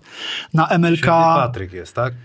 Y, jest Święty. Patryk, ale nie grają zespoły już w tym momencie w zielonych strojach na przykład. Grają w, y, grają, kilka lat temu jeszcze tak było, że faktycznie y, na przykład były stroje zielone, Chicago Bulls, zielone Nowego Jorku, natomiast odkąd Nike to przejęło, już z tego zrezygnowano, nie ma strojów też świątecznych, natomiast zwiększono tych pulę strojów takich regularnych. Kiedyś były to trzy stroje, dwa podstawowe i alternatywne, plus różne retro i tak dalej, i tak dalej. Natomiast dzisiaj są cztery podstawowe i oprócz tego są End i oprócz tego są Classic, czyli stroje retro. Co to są znaczy end? Earned, czyli te takie... a, earned, e, earned, tak. Not A, given. Tak, not given. Więc e, te stroje doszły i słuchaj, no przejdziemy Ale no, no dobra, no, ale e, masz tam earned? Mam, A, mam. dobra, nie, to- earned nie mam. Nie mam earned, bo dopiero w tym sezonie... lek- Bo wiesz, nie kupuję wszystkiego. Raczej unikam koszulek sklepowych. Sklepowe, sklepowe mam tylko te, których nie mogę dorwać meczowych. Okej. A End wys, wyszły tylko w wersji sklepowej i to w wersji jeszcze nawet nie Authentic, tylko Swingman. A dlaczego nie ma sklepów w Polsce z koszulkami? Kiedyś może ktoś tam próbował. Ja myślę, że jest zbyt małe zain- zainteresowanie tym Tak, wszystkim. mi się Wiesz, wydaje, w Polsce jak jest... Mhm. nie wrzucisz... ge- Rozmawiamy o polskiej lidze koszykówki, o pierwszej lidze tutaj, ale jak rzucisz koszulkę NBA, to nagle internet, wiesz, szaleje. Szaleje. Wiesz co, ja ci powiem tak, że z tymi koszulkami to jest naprawdę... tak trochę jest. To jest NBA, naprawdę... no. Jest problem z koszulkami, bo zobacz, nawet kluby piłkarskie, nie wszystkie kluby ekstraklasy mają swoje sklepy. Kupisz koszulkę Legii Warszawa, gdzieś tam Śląska Wrocław i tak dalej, tych większych y, klubów, które mają solidne zaplecze kibicowskie, ale poza tym masz problem, więc z koszulkami koszykarskimi ja obawiam się, że to jest tak nikłe zainteresowanie. A żeby NBA store w Pol- nie opłaca się w Polsce. Nie, bo y, oni dają swoje ceny amerykańskie. Jest tam jakiś retail określony i jak ktoś ma dać y, 800 zł za koszulkę... Albo 1200 za, Tak, za tak, taką więc, Jordana. y, więc to niestety jeszcze nie na nasze kieszenie. Może, może nasze Jedziemy dzieci. dalej, dalej. Jedziemy dalej. Koszulka... W internecie masz. O Jezus, ale chciałbym wejść, dotknąć, zobaczyć, wiesz, to jest coś Ale, ale wiesz Kamil, ale, sklepie, jest, ale no właśnie, ale byłeś, tam wszystko, a byłeś, wszystko ale kupić. byłeś w NBA Store? Byłem. I tam są wszystkie, wszystko to, co tam masz, to są rzeczy takie sklepowe. T-shirty, koszulki, swingmeny, repliki i tak dalej. No ale tak, kopara cały czas. Kopara, owszem, natomiast na przykład dla mnie, jak ja jestem zajawiony na rzeczy meczowe, to dla mnie tam nic nie ma. Boli cię tam wszystko. Bo wchodzę, nie, wchodzę w ogóle, wiesz, to wszystko możesz kupić dzisiaj sobie na eBayu. Chodzisz na eBaya, klikasz i to ci przyjdzie. Czy na kilku innych No sklepach tak, ale takich. chciałem wejść na przykład do Decathlonu, oprócz tego, że dali buty, teraz wiesz, to, są, są. Są, zresztą kupiłem synowi, bardzo fajne super. są. Ale wiesz, Decathlon w innych sieciówkach też były w Polsce, typu takich Zara czy Reserve, też były rzeczy NBA z logotypami wcześniej, w poprzednich I w latach. Reserve były te e, bluzy, blu, ale nie wiem, czy to na przypale, czy tak się Płacą, dogadali. płacą nam za te reklamy, czy nie? Nie. To możemy mówić, czy nie możemy? Jaki z tym? Dobra, jedziemy dalej. Koszulka, jedna z, z najbardziej, z najsławniejszych koszulek. No Artes, nie? No Artest. No, już nawet nie musiałem pytać, widzę. To jest e, koszulka meczowa Artesta, sezon 94-95, czyli To ten się sezon. bił się tam tak, wtedy? Tak. Koszulka wyjazdowa. W tej się nie bił, bo jest w dobrym stanie. Tamta, w której się bił, jest cała podarta. Natomiast jest sztos. No, jak wspomniałem, Artest jest moim ulubionym zawodnikiem. E, I tu masz na przykład kiss cut, ale już podwójny, reverse kiss cut, czyli masz trzy warstwy materiału. I ta środkowa tak, jest sublimowana, jest sublimowana, y, paski są sublimowane, tak? Natomiast te, te, te dwie warstwy, granatowa i biała, są naszyte na.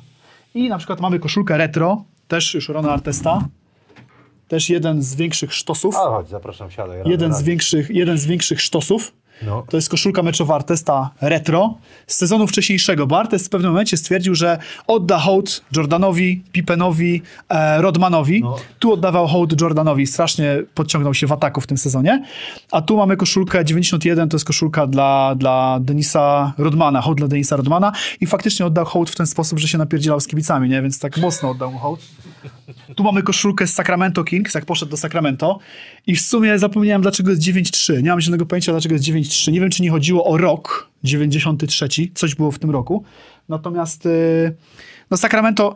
Nie jestem fanem Sacramento Kings, bo jestem fanem jeziorowców, więc y, mam tą koszulkę tylko dlatego, że to jest Artesta, bo rzeczy Boston Celtics, y, Sacramento nie ujrzysz u mnie, chociaż będzie zaraz mała zmiana, bo leci koszulka Larego Legendy. Co prawda taki prokat sklepowy, ale będzie zielona koszulka Bostonu u mnie. E, już wiesz, im bliżej, jak już się zrównali tymi mistrzostwami 16-16, to już mi tak łatwiej przychodzi e, obsowanie z, z rzeczami Bostonu.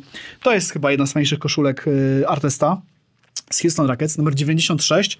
96, bo znacie tą historię, czy nie? Artest wychowywał się w dzielnicy Queensbridge w Nowym Jorku. Literka dziewię- numer 9 oznacza Q, szóstka oznacza B i tu jest w ogóle chyba w środku jeszcze certyfikat Grey Flanela e, z numerem e, aukcji, która, która wtedy była w, w necie. Więc e, no też, też sztosik. E, W Azji koszulki Houston Rockets z tego okresu po prostu chodzą po masakrycznych cenach, bo wtedy grał Yao Ming w Houston Rockets, wtedy grał Tracy McGrady i meczowe koszulki z tego okresu dla Azjatów to jest wow, to jest sztos, więc dorwać... Tutaj wy nie widzicie, ale Radosław Chyż do nas y, dołączył. Radziu, a ty... Sprawdziłem, też mnie interesowało. Właśnie, Radziu, a ty miałeś jakieś koszul- Tak samo jest... ho- Y, y, 93 rok, tak? 93 rok, bo chciał... Y, jak to się Mistrzostwo NBA? Nie, nie, nie, że swoje, swoje ten, y, rodzinny dom upamiętnić. A, 93, widzisz. 96. widzisz. A ty, Radziu, miałeś jakieś takie koszuleczki? Pamiętasz z Nie, nie, NBA? tylko lubiłem Artesta akurat. No widzisz. To nie jesteś sam. Nie jestem sam. No, no bo to był, wiesz, Walczak, to był gość, który wiele, e, wiele zawdzięcza nie tyle talentowi, On jak co ten, pracy, nie? trójkę trafił, taką ważną i tam do, ta, ta dobitka, wiesz, to on tam taki się wzruszył chłop. Taki buziak był dla kibiców. Taki był pocieszny, że wiesz, za, zasłużył na to, W ogóle nie? ta cała konferencja prasowa po zdobyciu mistrzostwa, on wziął całą swoją rodzinę, wiesz, zawodnicy z biorą córkę, kobiet wziął córkę jedną, czy tam drugą żonę, nie? Artes zawołał całą swoją rodzinę. Ojca, matkę, siostrę, braci, chodźcie tu wszyscy, zawołał ich na ten, na ten stage, nie? No wiesz, e, no jest, on jest strasznym flikiem, bardzo pozytywny gość, no mega, no mega, mega. Nie miał może nigdy wielkiego talentu, natomiast serca nie można było mu nigdy odmówić. No tak, większość ludzi w NBA ma talent, tylko jeden mniejszy, drugi większy. Jeden, jeden mniejszy, drugi większy. I jeszcze jak jesteśmy przy arteście, mamy kolejna koszulka Artesta z Sacramento, też Uuu. 93. To jest koszulka alternatywna, a wykonanie jest naprawdę mega, bo tu mamy też wyszycie rewers z kiskatem. A jest wyhaftowana szóstka, to jest hołd dla kibiców y, drużyny z Sacramento. Wówczas y, to byli najlepsi kibice NBA, chyba najgłośniejsi, a, więc, więc Sacramento no, tam wiele im, wiele im zawdzięcza. W Kalifornii tylko Lakers dla ciebie. Tylko Lakers, tak, tak, tak. Bo w sumie w Kalifornii jest Cztery kluby. Lakersi, Clippersi. Golden State no, i, i Sacramento, tak. A, a jest stan, bo kiedyś gadaliśmy o tym, czy ty, któryś stan ma więcej? y, Teksas? Może mieć w NBA? Teksas ma trzy, Nowy Jork ma dwie. Nie, chyba nie. Chyba Kalifornia, nie? Chyba Kalifornia. Może pan Adam no, no, no, no. Jedziemy Pan dalej? Adam wszystko wie. Jedziemy dalej. Kolejna koszulka Rona Artesta. Poczekaj jeszcze. Jak już w końcu trafił do Lakersów, to ta, którą mam na sobie, wiadomo, jest zrobiona tym takimi z ciężkich materiałów, no to jest, to jest koszulka z rękawkami. I z tymi rękawkami są bardzo mieszane uczucia co do rękawków. E, moje zdanie jest takie, że nie każdy, kibic, nie każdy kibic koszykówki wygląda jak zawodnik NBA, więc rękawki moim zdaniem były strzały w dziesiątkę, bo można było sobie założyć No, bo koszulkę... czasem bicepsu nie widać, jak u mnie na przykład, nie? Yy, Że obręcz barku, ale to, naprawdę, to ładnie maskuje. Ale tak. naprawdę yy, koszulki z rękawkami, szczególnie takie sklepowe, no wiesz, no nie każdy ma posturę yy, sportowca, nie? Ktoś tam ma brzuszek, ktoś ma takie łapy, których nie chce pokazywać i tak dalej. Więc moim zdaniem te koszulki z rękawkami bardzo fajne e, i byłem fanem. I tu jest jeszcze taka ciekawostka. Część koszulek meczowych od roku 2009 ma dodatkowe metki, świadczące o tym, że to jest koszulka meczowa. I niektóre metki były doszywane osobno. I tutaj mamy oficjalną metkę NBA, natomiast gdzieś tutaj miałem koszulkę. Gdzieś tu miałem koszulkę Gortata. Czy mi się wydawało? Znajdziemy później, może znajdziemy później jeszcze. Phoenix tylko pokazałeś. Z Phoenix. To może ja dzisiaj nie wziąłem tej koszulki. Albo będzie. Nie, nie będzie tego, bo Maygreya nie ma. Jeszcze, jeszcze były takie metki Maygreya. Dobra, nieważne. Tak czy siak jeszcze ciekawostka. W koszulkach w pewnym momencie po wewnętrznej stronie zaczęły być wszywane takie kieszenie. W Polsce chyba takich kieszeni nie ma. Mieliście kieszenie? koszulkach? Tak. No chyba żartuję. Chyba nie. W kieszeniach, Kiedyś słuchajcie... myśmy jak z Radkiem jeszcze od, wiesz, jak Adidas był, to człowiek miał te na zapinane yy, rozgrzewkowe, No, no, teraz no, no, tego no. nie dają, nie? Niestety. Słuchajcie, wytłumaczę wam, dlaczego są kieszenie. Kieszenie są po to, że tam się w, wpina taką pastylkę, która jest GPS-em i firmy są firmy dwie, które wiedzą doskonale, gdzie zawodnik biega przez cały mecz, ile przebieg i tak dalej. I później takie statystyki dostają kluby i wiedzą, wiesz, co zawodnik źle robi, co Albo dobrze. żona kupi na urodziny i też będzie wiedziała, gdzie chodzi. Nie, lepiej nie, lepiej nie. pastylki z GPS-em Lepiej trzeba nie. kupić. E, więc tak, tu mamy koszulkę. A, i tu jest też ciekawostka, bo to jest ten moment, kiedy NBA przeniosło logotyp z tyłu na kark. Dodali taką metkę przy zespołach, które zdobyły mistrzostwo. Jest taka metka złota z ilością mistrzostw, które dany klub zdobył. E, No wiadomo, dlaczego przeniesiono logotyp NBA na kark. Dlatego, żeby zrobić miejsce tutaj na logo sponsorów, tak? I te logotypy sponsorów się Podoba ci się to, czy nie? No, by było to nieuniknione, natomiast cztery zespoły są bez logotypów i te stroje, te koszulki wyglądają, wiesz, są czyściutkie, świetne są. Moim zdaniem nie, nie powinno tego być, no ale to niestety. Idziemy nie, z duchem czasu, Nie mamy dobra. na to wpływu. To jest fajna koszulka, bo jak Adidas prowadził to Ref 30, cały ten system tych e, numerów meszowych i tak dalej, to wydał limitowaną edycję koszulek e, liderów większości ekip. Dorzucona jest metka z sezonem, bo normalnie w sklepowych tego nie było. Jest wszystko, są oryginalne numery masz taką metkę tutaj, że koszulka jest limitowana, to jest nie wiem, 200 na 500, coś koło tego? 206. 6 na 500. 206 na 500 jest 500 sztuk tych koszulek. One były sprzedawane w takich fajnych To y, kurde drogie. wszystko. pudełkach. A jak? Dużo pieniędzy jest. A jak? Z rzeczami Lebrona, słuchajcie, to jest jeszcze tak. Trzeba wiedzieć, kiedy coś kupować, a kiedy nie. Bo e, jak Lebron odszedł z Cleveland do Miami, to jego rzeczy nie miały wartości w Cleveland. Kibice palili jego rzeczy. No tak, były. I to był świetny moment na to, żeby inwestować w jego rzeczy meczowe. I faktycznie udało mi się to zrobić. Nie przywiozłem tego dzisiaj, bo wisi w, wisi w szafie. A natomiast mam dwa komplety strojów Lebrona meczowych. Jeden ze szkoły średniej, St. Mary, St. Vincent. No, No. dawaj. A No wchodź, wchodź, wchodzi. mamy gościa. Lebron idzie. Lebron idzie. Po swoje rzeczy. Więc mam cały komplet y, ze szkoły średniej Lebrona. I oprócz tego mam komplet z drugiego sezonu w lidze NBA Cleveland Cavaliers, spodenki i koszulka. I ja to kupiłem mojemu synowi, jak się urodził. I na pierwsze urodziny to były inwestycje wtedy, które kosztowały naprawdę nieduże pieniądze w porównaniu z tym, co to jest teraz, bo jak LeBron później wrócił do Cleveland, zdobył mistrzostwo w Cleveland, nagle kibice sobie przypomnieli, że ej, przecież on to już kiedyś grał i mamy jego pamiątki i te pamiątki są warte 10 razy więcej, tak? Więc cieszę się, że udało mi się to wtedy kupić, tak samo z rzeczami Kobasa, które gdzieś tam mam u siebie w kolekcji. Te, te poszły w górę mocno. Mocno, bardzo mocno. Nie było, można nie skupić właściwie w pewnym momencie chyba, nie? Już, już w ogóle teraz Nie ma nic, nie, nie? ma, nie ma w ogóle, nie ma. I Też muszę podziękować tutaj, jak już mamy możliwość i robię to za każdym razem, kiedy gdzieś tam jestem, jest, jest taki jersey head z Gdańska, Paweł Gramza.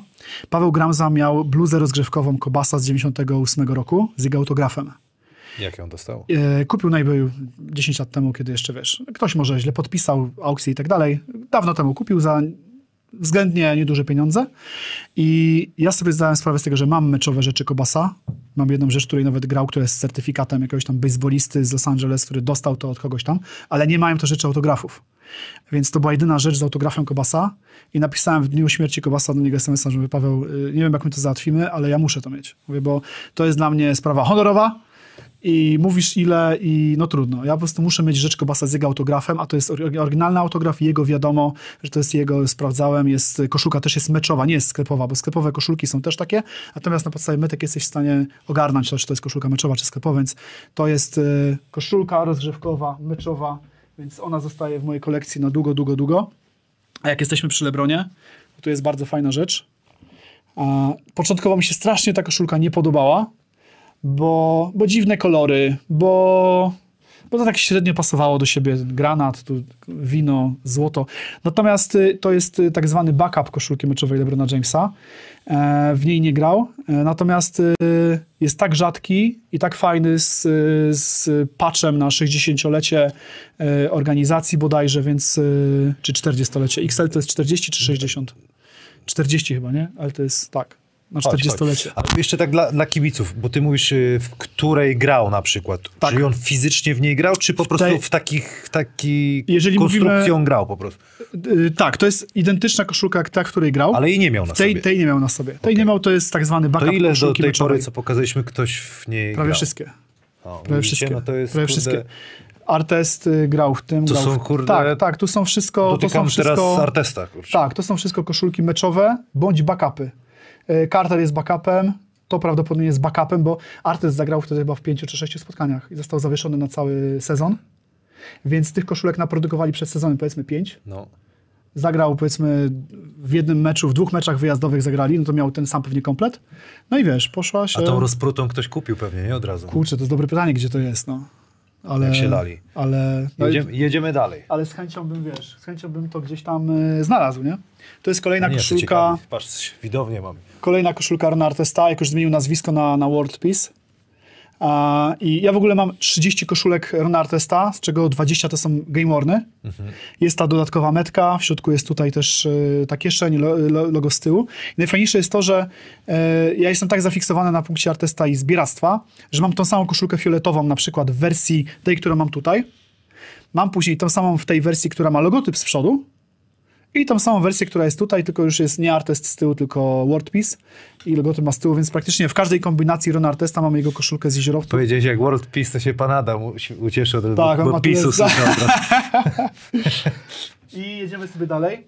E, to jest koszulka, nie wspominaliśmy nic o strojach y, HWC, czyli Harut Classic. No Retro. właśnie. E, Adidas, to się w ogóle zaczęło w latach czempiona, w latach 90. Trzynastką Mark Jackson był? Nie. Mi, nie, no Reggie miał, nie miał. 30. Gość, który wypiął się na jeziorowców.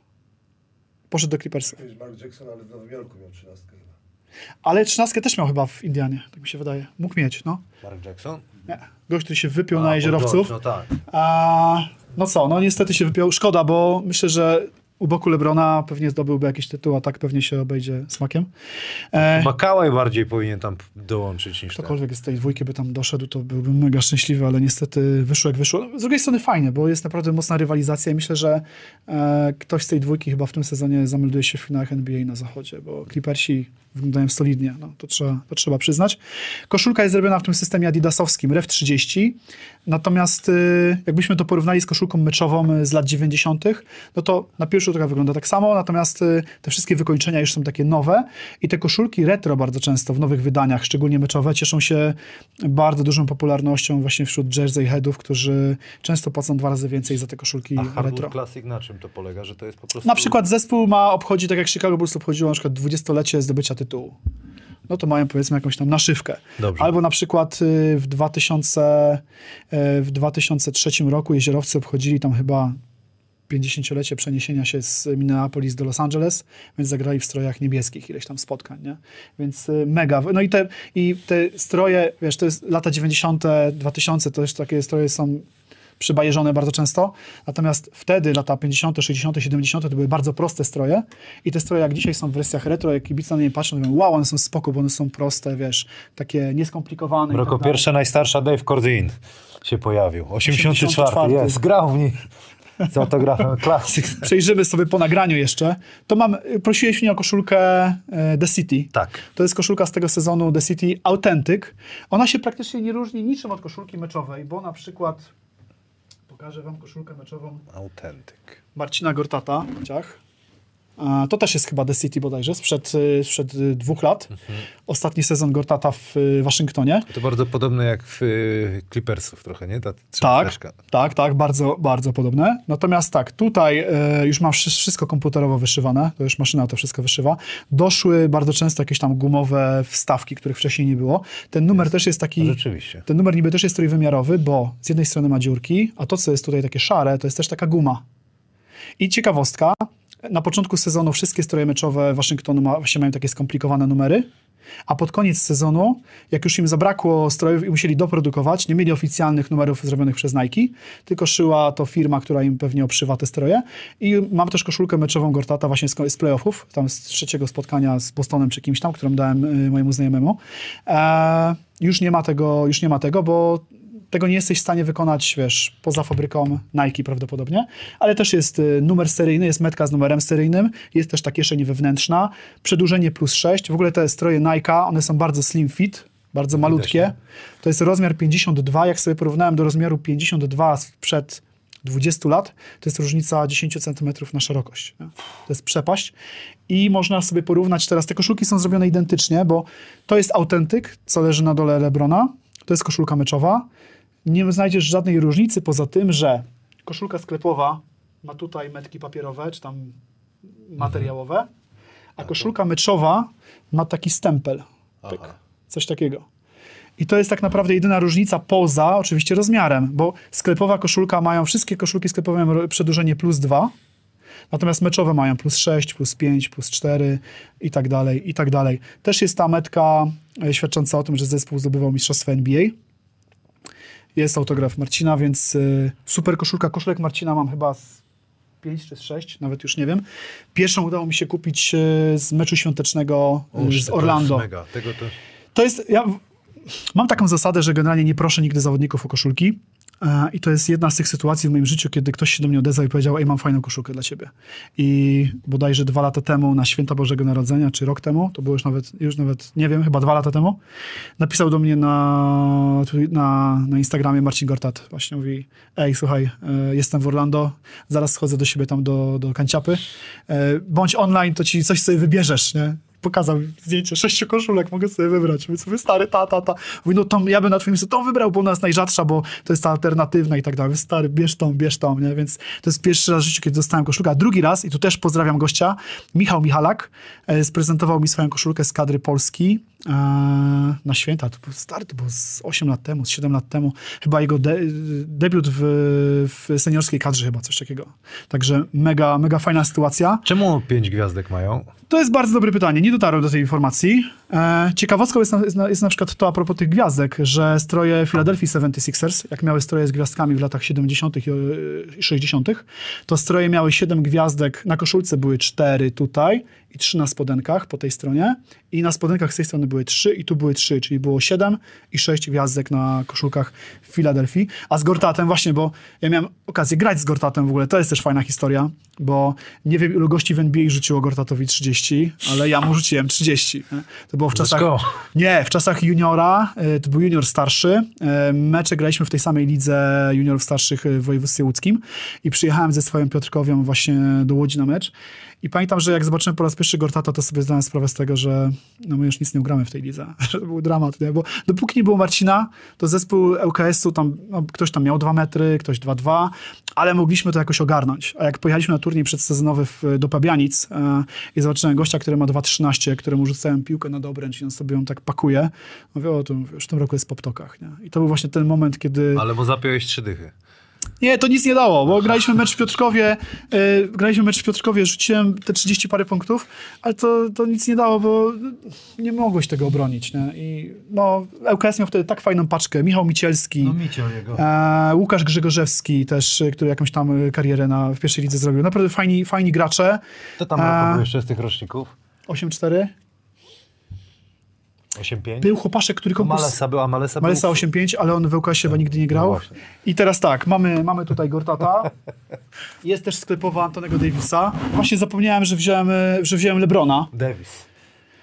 Antony Davis. E, też śmieszna sytuacja, bo wiesz, jak zawodnik przychodzi z jednej drużyny do drugiej, to jego rzeczy można kupić za naprawdę śmieszne pieniądze i kupiłem tą koszulkę taniej niż w Polsce kupujesz e, swingmany czy repliki. To ile? No, w- 50 chyba 8 dolarów To bodajże. rzeczywiście. Więc to są naprawdę śmieszne kwoty i dlatego polecam wszystkim eBaya. No. Ja wiem, że wspierajmy owszem tutaj rodzime sklepy, tak, polskie, które handlują takimi rzeczami, jak najbardziej jestem fanem, natomiast jeżeli szukacie czasami takich perełek w rozsądnych cenach, to drożej wyniesie później sprowadzenie tej koszulki do Polski. Ale niż- mówiłeś, że w jakimś lumpeksie znalazłeś w Ciuchlandzie. To no, są koszul- takie sytuacje. Są złote strzały? Są, no mówię, na Allegro były trzy koszulki meczowe. Jedna ta y, Lakersów, Cedrica Sebalosa, która była tutaj wcześniej. Była koszulka meczowa z tej Seja Augmona z 96 roku, Detroit Pistons. I to w wersji HWC, czyli retro czyli Fort Wayne Pistons. I ona też, ja jej wtedy nie kupiłem, bo e, byłem święcie przekonany, że koszulki czempiona meczowe mają wszystkie tą dodatkową metkę z przedłużeniem tutaj tą drugą, nie? Okej. Z logotypem. A w 96 roku, na 50-lecie Ligi NBA, wtedy co był złoty logotyp tutaj wyhaftowany, e, zespoły dostawały stroje retro, ale te stroje retro bardzo często miały drugą metkę, ale bez przedłużenia. I ja byłem idiotą wtedy, bo ja zobaczyłem na tą metkę i mówię, nie, nie ma przedłużenia, czyli to jest pewnie jakaś taka sklepówka. Nie ma sensu tego kupować. No i raz, że bardzo fajna rzecz do kolekcji, a dwa, że chłop pół roku temu tą koszulkę sprzedał na eBayu, właśnie z Polski. Nie wiem, kto to kupił. Chciałbym poznać tą osobę, Może szczerze jak mówiąc. obejrzy, to, Może to jak się obejrzy, to nam się trafi. Do pana Adama I się wystawił tą koszulkę na amerykańskim eBayu i sprzedał ją za ponad 1000 baksów chyba, jeśli dobrze kojarzę, nie? Czy, czy 900 baksów, no coś, coś w okolicach 1000, więc już całkiem, Troszkę jest pieniążka. całkiem fajna kwota. Jedziemy dalej. Chyba jedna z najfajniejszych koszulek No e, od Nike, e, Donovan Mitchell. I to jest teraz tak. Tak jak ci wspominałem, część koszulek możesz kupić pustych, meczowych, które nie mają numerów i nazwisk, bo klub ma tych koszulek za dużo po sezonie, daje kibicom. To jest koszulka meczowa, jest to rozmiar 52 plus 4, czyli takiej w sklepie nie dostaniesz. E, natomiast nie ma logotypu tutaj sponsora. E, I czego nie ma? I w zasadzie tylko tego nie ma. Nie ma też tutaj e, tej takiej kieszeni. Czyli to jest meczowa koszulka, która była pusta. Ja ją sobie wysłałem do Stanów Zjednoczonych do firmy, która obszywa takie meczowe rzeczy i obszyli mi ją na Donowana Michela, bo nie jestem fanem Utah, ale to jest chyba najfajniejsza Polsce to chyba koszulka. nikt nie jest. Nie, no jest kilku, jest. Było na forum internetowym kiedyś e-basketa, było to chyba ze trzy czy ze cztery osoby, także są, są. Nie no, ja nie A kto wybierał Utah, wiesz, w- to co LeBron w 2K? No sorry, no teraz tak, a kiedyś No, niekoniecznie ale nie chciał ja- pika ja grać, często- wiesz, Stocktonem Ja- i Hornackim, tylko wszyscy z góry chcieli Ja często dawać. wybierałem ze względu na stroje, bo i te stroje, i te No fajne. pierwsze, i te pierwsze. E, tak naprawdę, gdyby zrobić ranking e, strojów NBA, e, Utah Jazz na przestrzeni swoich lat, to jest tak jeden z liderów, nie? Bo i fajne retro mają z początku lat 90. te proste fioletowe, takie co tutaj jest na dole, z tą taką y, nutką. To co leży tu na dole, ten, ten, ten jazzman. I te z górami, no z górami to jest sztos. Te błękitne, które mieli później, też nawet, nawet, one, w ogóle większość koszulek meczowych NBA zyskuje 100% jak masz to w łapie. Bo patrzysz na koszulkę z daleka i tak, no dobra, spoko. Ale ta koszulka Utah Jazz, ta taka błękitna, co mieli, kojarzysz? To jest stroje w czasach Derona Williamsa, Millsapa, Kirlienki. To te stroje, jak miały robione numery i napisy, to tam jedna z tych podstawowych warstw głównych to jest taka warstwa, która ma strukturę takiej jodełki fajnej. I ona się tak fajnie mieni pod, pod, pod różnymi kątami. I ta koszulka, dopiero jak masz ją w łapie, już sobie wow, że niby prosta koszulka, ale na żywo w ogóle jest, wiesz, sztos, nie? A propos Utah Jazz, to trener y, Jankowski zawsze kazał dawał mi kasety do domu, żebym Johna Stocktona oglądał. A ja tak bardzo chciałem Jordana. Patrz jak John gra. Ja dwie godziny patrzyłem jak John gra na przykład. No, no. Dawaj, No, jedziemy robił- dalej, bo to pan Adam, kurde, coś go... Robił chłop robotę, no. Suty go chyba drapią, kurde. Kolejna koszulka, kolejna koszulka retro, e, też e, z lat 90. Cleveland Cavaliers.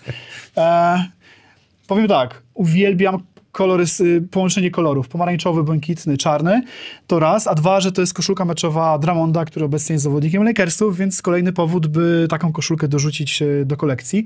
Tu mamy właśnie logotyp sponsora też i jak się przyjrzysz, to te logotypy sponsorów, one są bardzo często dwukolorowe, trzykolorowe i tak dalej, natomiast one są zrobione metodą taką, jakby to powiedzieć, jak swingmeny. Mniej więcej. Więc no, ten logotyp akurat jest w miarę fajnie wpasowany w tą koszulkę, więc on się jakoś tak e, nadaje. Natomiast jest wiele logotypów, które tak mi totalnie nie pasują. Boston miał, ma tragiczne dwa na przykład logotypy. Nie? Najpierw takie wielkie koło, które wyglądało jak jakiś hotel czy coś takiego, a teraz mają jakieś takie trójkąty, które są średnie. No i ostatnia koszulka. Pierwsza koszulka meczowa jeziorowców w mojej kolekcji już z tej nowej technologii e, Nike'a. Kyle Kuzma. Powiem tak, w moim przypadku, przy mojej wadze, e, jak się nie ma lubi, jak się nie ma co się lubi, to się lubi co się ma. Licytować mogę tylko rzeczy w rozmiarze 52 i większe. Czyli pozostaje mi Kyle Kuzma, Anthony Davis, obecnie Mark Gasol, pewnie Drummond i może jeszcze jeden czy dwóch grajków. Więc pole manewru mam bardzo zawężone, więc... Zion? Ale to Pelicans. A mówimy o jeziorowcach. Mówimy o jeziorowcach. No tak, no tak. Bo Dobra, koszulek, tak. jakby nie było koszulek jeziorowców, w mojej kolekcji jest najwięcej. Myślę, że 30 meczowych to jest spokojnie pewnie. No. I staram się mieć, wiesz... Może róż- Cam- a Campbella masz? Eldena Campbella mam meczowe spodenki z sezonu 96-97 ze złotym logotypem. Okej. No, zagiąłem cię, nie? A jeszcze chcesz kogoś wymienić? Może coś? Nie, baniak z rytmu. Więc y, no, to jest koszulka, y, koszulka Kala Kuzmy. Dzisiaj dojdą dwie kolejne, żółta i, i fioletowa, więc, y, więc mega. I co? I to, taka też ciekawostka, że w Stanach Zjednoczonych, y, w ligach amerykańskich, tych zawodowych, numer 0 to jest też numer. U nas w Europie, e, jeszcze w tych Jest, czasach, jest, no. już teraz, nie wiem, czy można grać w Europie z numerem 00. Można, nie? Zero. Zero, zero czy samo? Widzieliście kogoś na parkietach z numerem 0 albo 00? W Polsce teraz? W Europie? No jak? Nie, nie, nie wolno. Nie wolno. Jeżeli chodzi o przepis sędziów, to jest tak, że nie. Możliwe. No, Niż- no. Tak, nie, nie, nie, wol- nie wolno mi się. Możliwe. Sędzia tłumaczył. Możliwe, że tak jest. Natomiast y, w Stanach numer 00 Ja to też jest uznawane za taki numer y, meczowy, bo 0 to też jest cyfra. Nie? I wielu zawodników nosiło numer 00. Na przykład Greg Ostertag. Grega Ostertaga mam spodenki meczowe. I to też jest ciekawostka, bo e, jest markerem napisane 44, a później to 44 jest przerobione na 00. Jaki wniosek? Wniosek jest taki, że w tych spodenkach grał zarówno Adam Keefe, który grał z numerem Adam 44, Keefe, też klasa. jak i Greg Ostertag, który grał z numerem 00. A jeszcze nie mówiliśmy nic o producentach koszulek, które... No właśnie wymienić trzeba, kto Tak. wymienisz po e, kolei. Po kolei mamy od lat y, 90. czempiona. Później Nike przejął y, 10 klubów, y, Starter przejął 10 klubów. Później te kluby Startera przejmowała Puma, przejmowały Reebok, y, była jeszcze, Boże, co tam jeszcze było? Później Reebok przejmował całą ligę. E, Szczegółowo znajdziecie sobie w tych e, artykułach, które serdecznie polecam. E, Możemy zareklamować. ProBaskecie, tak? Na ProBaskecie, No, no. pewnie. jest historia koszulek. Są trzy takie solidne materiały, które napisałem na wakacjach trzy lata temu. I tam są wszystkie informacje na temat tego, jak się robi koszulki, jakie są rodzaje nanoszenia grafik, numerów, nazwisk, wszystkiego, co tam jest. Są też producenci tak szczegółowo wypisani, cała, cała chronologia, więc można sobie zajrzeć. I faktycznie z tymi producentami jest wiele ciekawych historii, bo obecnie na przykład jest tak, że koszulki Nike sobie tam szyje w Tajlandii czy gdzieś tam. One lecą do Stanów, później są obszywane w każdym klubie. Natomiast jak były te takie mm, przełom, wiesz, był lockout w 99, więc tam się kończył y, kontrakt jednej firmie, zaczynał drugiej i na przykład y, stroje były przejmowane, y, stroje Pumy były przejmowane na przykład przez Reeboka. Jest taka ciekawostka, że na przykład Houston Rockets zaczynali sezon, a nie mieli jeszcze koszulek i spodenek z logotypami Reeboka bo firma, która produkowała to w Berlinie, w Wisconsin, nie, na, nie, nie zdążyła po prostu. No i co zrobili? Wzięli meczowe stroje z zeszłego sezonu, naszyli metki Riboka na to, nawet nie odrywali tych pumy, naszyli metki Riboka i dali zawodnikom do grania. I mam właśnie też takie spodenki Houston Rockets, te takie piżamowe, dla których kibice nienawidzili wtedy. I jest faktycznie, jest metka Riboka z sezonem tam 2000-2001, ale pod tym jest metka Pumy, taka, taka granatowa, gdzie bardzo łatwo można zobaczyć, że faktycznie spodenki są z sezonu wcześniej. Nie? Powiedz mi, najlepiej sprzedająca się koszulka w historii w ogóle na świecie. Wow, no obecnie poszła chyba na dniach, dwa dni temu, poszła koszulka Michaela Jordana z Uniwersytetu North Carolina za milion trzysta dolarów. Okej, to jest Milion- najdroższa. milion trzysta, no, A, najdroższa. a taka w, y, jakby w liczbie jakby Na ilości. no ilości. Wiesz co, mi się wydaje, że tak, w latach 90. tak dużo chyba nie produkowali jak teraz, e, więc obecnie myślę, że można przyjąć, że LeBron James gra w lidze tam kilkanaście lat w różnych klubach, bo to też jest tak, że jak zawodnik grał w jednym zespole ileś tam lat, to kibice nie mają potrzeby kupowania jego koszulek. Bo już mają. A LeBron grał w Cleveland, y, w Cleveland grał w, jednym, w jednej wersji, e, były stroje retro bardzo często, później Miami, później znowu Cleveland, później e, Lakersi I, i zobacz, że od praktycznie od 2010 lo- roku, to tam gdzie gra LeBron, to praktycznie zawsze są stroje retro, zawsze są stroje jakieś takie Cuff Fanatics, była taka wersja w ogóle. E, klub wpadł na pomysł, że te stroje się tak dobrze sprzedają, że stworzymy osobny, wiesz, rodzaj koszulek, który niby wymyślą kibice, żeby tylko można było więcej koszulek Lebrona sprzedać. Więc obstawiam, że przez ostatnie 20 lat, e, kiedy ta sprzedaż mocno wzrosła, to chyba Lebrona mamy tutaj numerem jeden. Kurde, Rzucamy. musisz muse- muzeum chłopie otworzyć. Myślałeś o tym? Ja powiem tak, każdy, kto jest w pobliżu Zelowa, a to się znajduje e, dokładnie pomiędzy Warszawą a Wrocławiem, przy trasie S8, a, no to nie wiem, panowie, będziecie gdzieś tam przejazdem kiedyś do Warszawy jechali, będziecie chcieli wpaść na, na piwko, na... 30 minut do, do Marzenina. Tak, E, tak, ma, do- to, do to zapraszam, e, pokażę, pogadam, bo to jest tak, dzisiaj przywiozłem naprawdę tylko część kolekcji, To nie są wszystkie rzeczy. Tam jest dużo więcej. No, przede wszystkim te perełki, właśnie Michael Jordan z, 90, z z 86 roku. Myślę, że to jest taka najfajniejsza koszulka. E, Ten meczowy Bryant z 98, no to to są takie naprawdę sztosy. Plus trzy meczowe koszulki Kobasa z okresu, kiedy zdobywali tytuły z Lakersami 2009-2010 i jak zdobywał MVP w 2007 roku, więc to są takie perełki, perełki. No i to jest tak, dzisiaj przywiozłem tylko koszulki, tak? A mam jeszcze ponad 100 par meczowych spodenek z różnego okresu, od lat 80., kiedy spodenki są do, do jajec, po takie spodenki, kiedy są bardzo oversized, czyli za kolana 10, 20 do, do jajec. i do jajec. Mam spodenki Shaquille O'Neal'a z Orlando Magic i one są tak do połowy łydek mniej więcej. Nie? Więc e, Nie no mega, naprawdę super są te, te rzeczy. E, Tu widziałem Tom Gugliota był. Masz Gugliotę? nie mam. To E. Kiedyś bardzo chciałem jego koszulkę z Minnesoty, natomiast e, natomiast A co chodzi z tymi, z tymi kartami tutaj? To są czym się różnią od tamtych? To jest inny sezon, tak? Inne sezony, inne sezony. Te, które tam masz, to jest chyba 9495, jeśli dobrze kojarzę, czy 9596 nawet. To były, to były te, które już były dostępne w polskich kioskach. Tu są sztosy takie, tak? A to są te Jordana, tak? No. No, to, to jest taka limitowana edycja tych kart. Eee, kurczę, dałem kilka kart, komuś dałem, bo potrzebował ktoś na zakładki do książek. I wybrałem jeszcze, byłem debilem, zamiast wybrać 10 najbrzydszych kart, to ja wziąłem te najlepsze, bo chciałem pokazać ta, ta fajna, ta fajna i tamta fajna. No i wyszło jak wyszło. Dzisiaj... A o co chodzi z tym palcem y, Jordana? Takim wybitym mega mocno. To był ten me mecz, on złamał kiedyś? Wiesz co, grał yy, myślę, że pewnie miał parę wybitych, natomiast historia była taka, że jak wrócił, chyba o to ci chyba bardziej chodzi, że jak wrócił, to sobie przyciął palca yy, przycinaczką do tego, do... co się pali? Do cygar. Okej. Była taka historia. Ale wiesz, no jak każdy sport...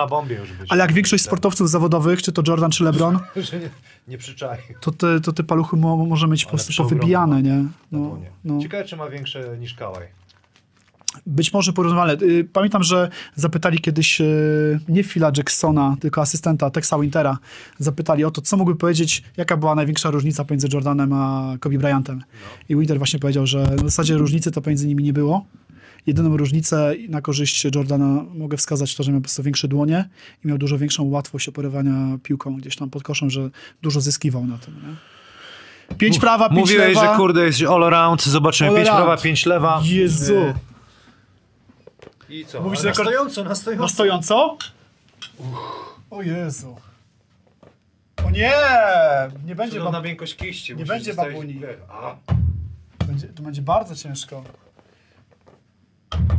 Patrz. 0,3. Kacpa, Słuchaj, Kacpa, Kacpa idę do ciebie. Nie, dasz radę. 0, Ale- 4. Chcesz mi powiedzieć, że tą piłką i na ten kosz rzucały 9 trafiły... Naprawdę? Teraz już mam lewą, czy jeszcze mam jeden? Słodki Jezu. Na szpadę. Zobacz, tapczan. A może faktycznie jedną ręką trzeba rzucać? Ale widzę, że lewą... y, Ale jeden jest, już Lepiej, jest- za, lepiej zamyka. Już jest, prawo ręką. już jest one more than Kacpa. Patrz! Jak Karl Malone kiedyś w finałach z Chicago. Jak mu tak wyleciała perfidnie. Ile jest, panie Adamie? 4, 1, 1, 4. Patrz! Kurde. Dobra, teraz daj jakiegoś haka na przykład. Albo co. Paczka? A może tyłem? Bo ja tyłem u siebie rzucam. Projekt Grandma, dawaj, jeszcze dwa. Prawie będzie. Ciach. No niestety. Dwa. Dwa. Jest, jest, jest, nie, trybuny szaleją. Było gorzej i klaskali. Rafał, dziękuję ci bardzo. No mam wrażenie, że moglibyśmy jeszcze, może Pogadać, kiedyś, no. kiedyś zrobimy jakąś... Zrobimy wyjazdowe nagranie. Część Gdzieś, drugą u mnie. Zapraszam. Tak? Wpadnijcie, zrobimy grilla. Jest boisko, pełnowymiarowa połówka, A w więc... lodówce druga. Jest, jest. Dziękuję ci bardzo. Miło by było, a w ogóle jakie on ma re- rewelacyjne te tatuaże. Pokaż, no już przyszedłeś, to patrzcie co się dzieje. Tylko e, koło pakuiny nie chcę widzieć. Niech wejdą na mojego Instagrama, słuchaj, będzie, będzie, będzie łatwiej. No tu jest Ale ten jest bardzo ładny. Ten mi się podoba, jest czcionka mi się podoba. e, Sytuacja właśnie po zdobyciu tej trójki, po zdobyciu mistrzostwa w 2010 roku. Jest wynik tego ostatniego meczu z Bostonem 8-3, 7-9. Jordan? Tu jest Jordan, ja Jordan. E, no i cała noga w kobasie, tak? Cała noga. Plan jest taki, tutaj po, pozdrawiam mojego tatuażystę z Poznania, e, Łukasza Wrzelika. Plan jest taki, że zaczęliśmy prawie dwa lata temu. Myślę, że zostały nam 3-4 sesje, żeby skończyć całą nogę od jajec do, do, do, do kostki. I będzie cała noga, cała... Jajca też byś? A chcesz zobaczyć? Nie, dzięki. Już pakuiny nie chciałem, także... Pakuina, pakuina. Ale nie, ale to będziesz jechał z, dalej sobie z tematem. Tak, tak, ten temat, no tą nogę na pewno chcę skończyć, a reszta, zobaczymy. Dziękuję co ci bardzo, wyjdzie. bardzo mi miło, że przywiozłeś te rzeczy i co, panie Adamie, może pan ma jakieś... Pan Adam, kurde, w rewalu naprawdę zrobi Furorę. lody, lody, będzie kukurydza gotowana. Te koszulki meczowe są prane? Jak nimi? Pan Adam, po... E, jak jest autograf, e, to raczej staram się tego nie prać. Chociaż na przykład ta koszulka Kempa z autografem to jest prokat i ja ją tam czasami sobie wyprałem, bo, ja, bo generalnie często jak właśnie u siebie grilluję, to sobie zakładam koszulki, A żeby masz sobie... taką, że naprawdę czuć tego zawodnika? E, wiesz, nie, bo, bo te koszulki, znaczy pewnie było to bardzo czuć, natomiast faktycznie mam koszulkę Marcina Gortata z meczu świątecznego. Jest, ona jest biała, ale w zasadzie ona jest biała, ale ma plamy gdzieś tam, a to po jakimś napoju, po Gatorade'zie, a to widać, że ktoś go łapał za tą koszulkę, więc naprawdę jest brudna i nie, chciał, nie chciałbym jej wyprać, nie? Niech taka zostanie. Także pan Adam, kurde, piękny. Ja też dziękuję ci za ten prezent, bo to coś pięknego. My ci tu ja Jordan, wiesz, schabowego, a ty nam takie ładne prezenty dałeś. Coś jeszcze chciałem zapytać, żeby nie, nie załgać, ale chyba już nie wiem. Dziękuję bardzo i do zobaczenia u ciebie. To ja dziękuję jeszcze raz i zapraszam do mnie, naprawdę, przyjedźcie całą ekipą. przyjedziemy.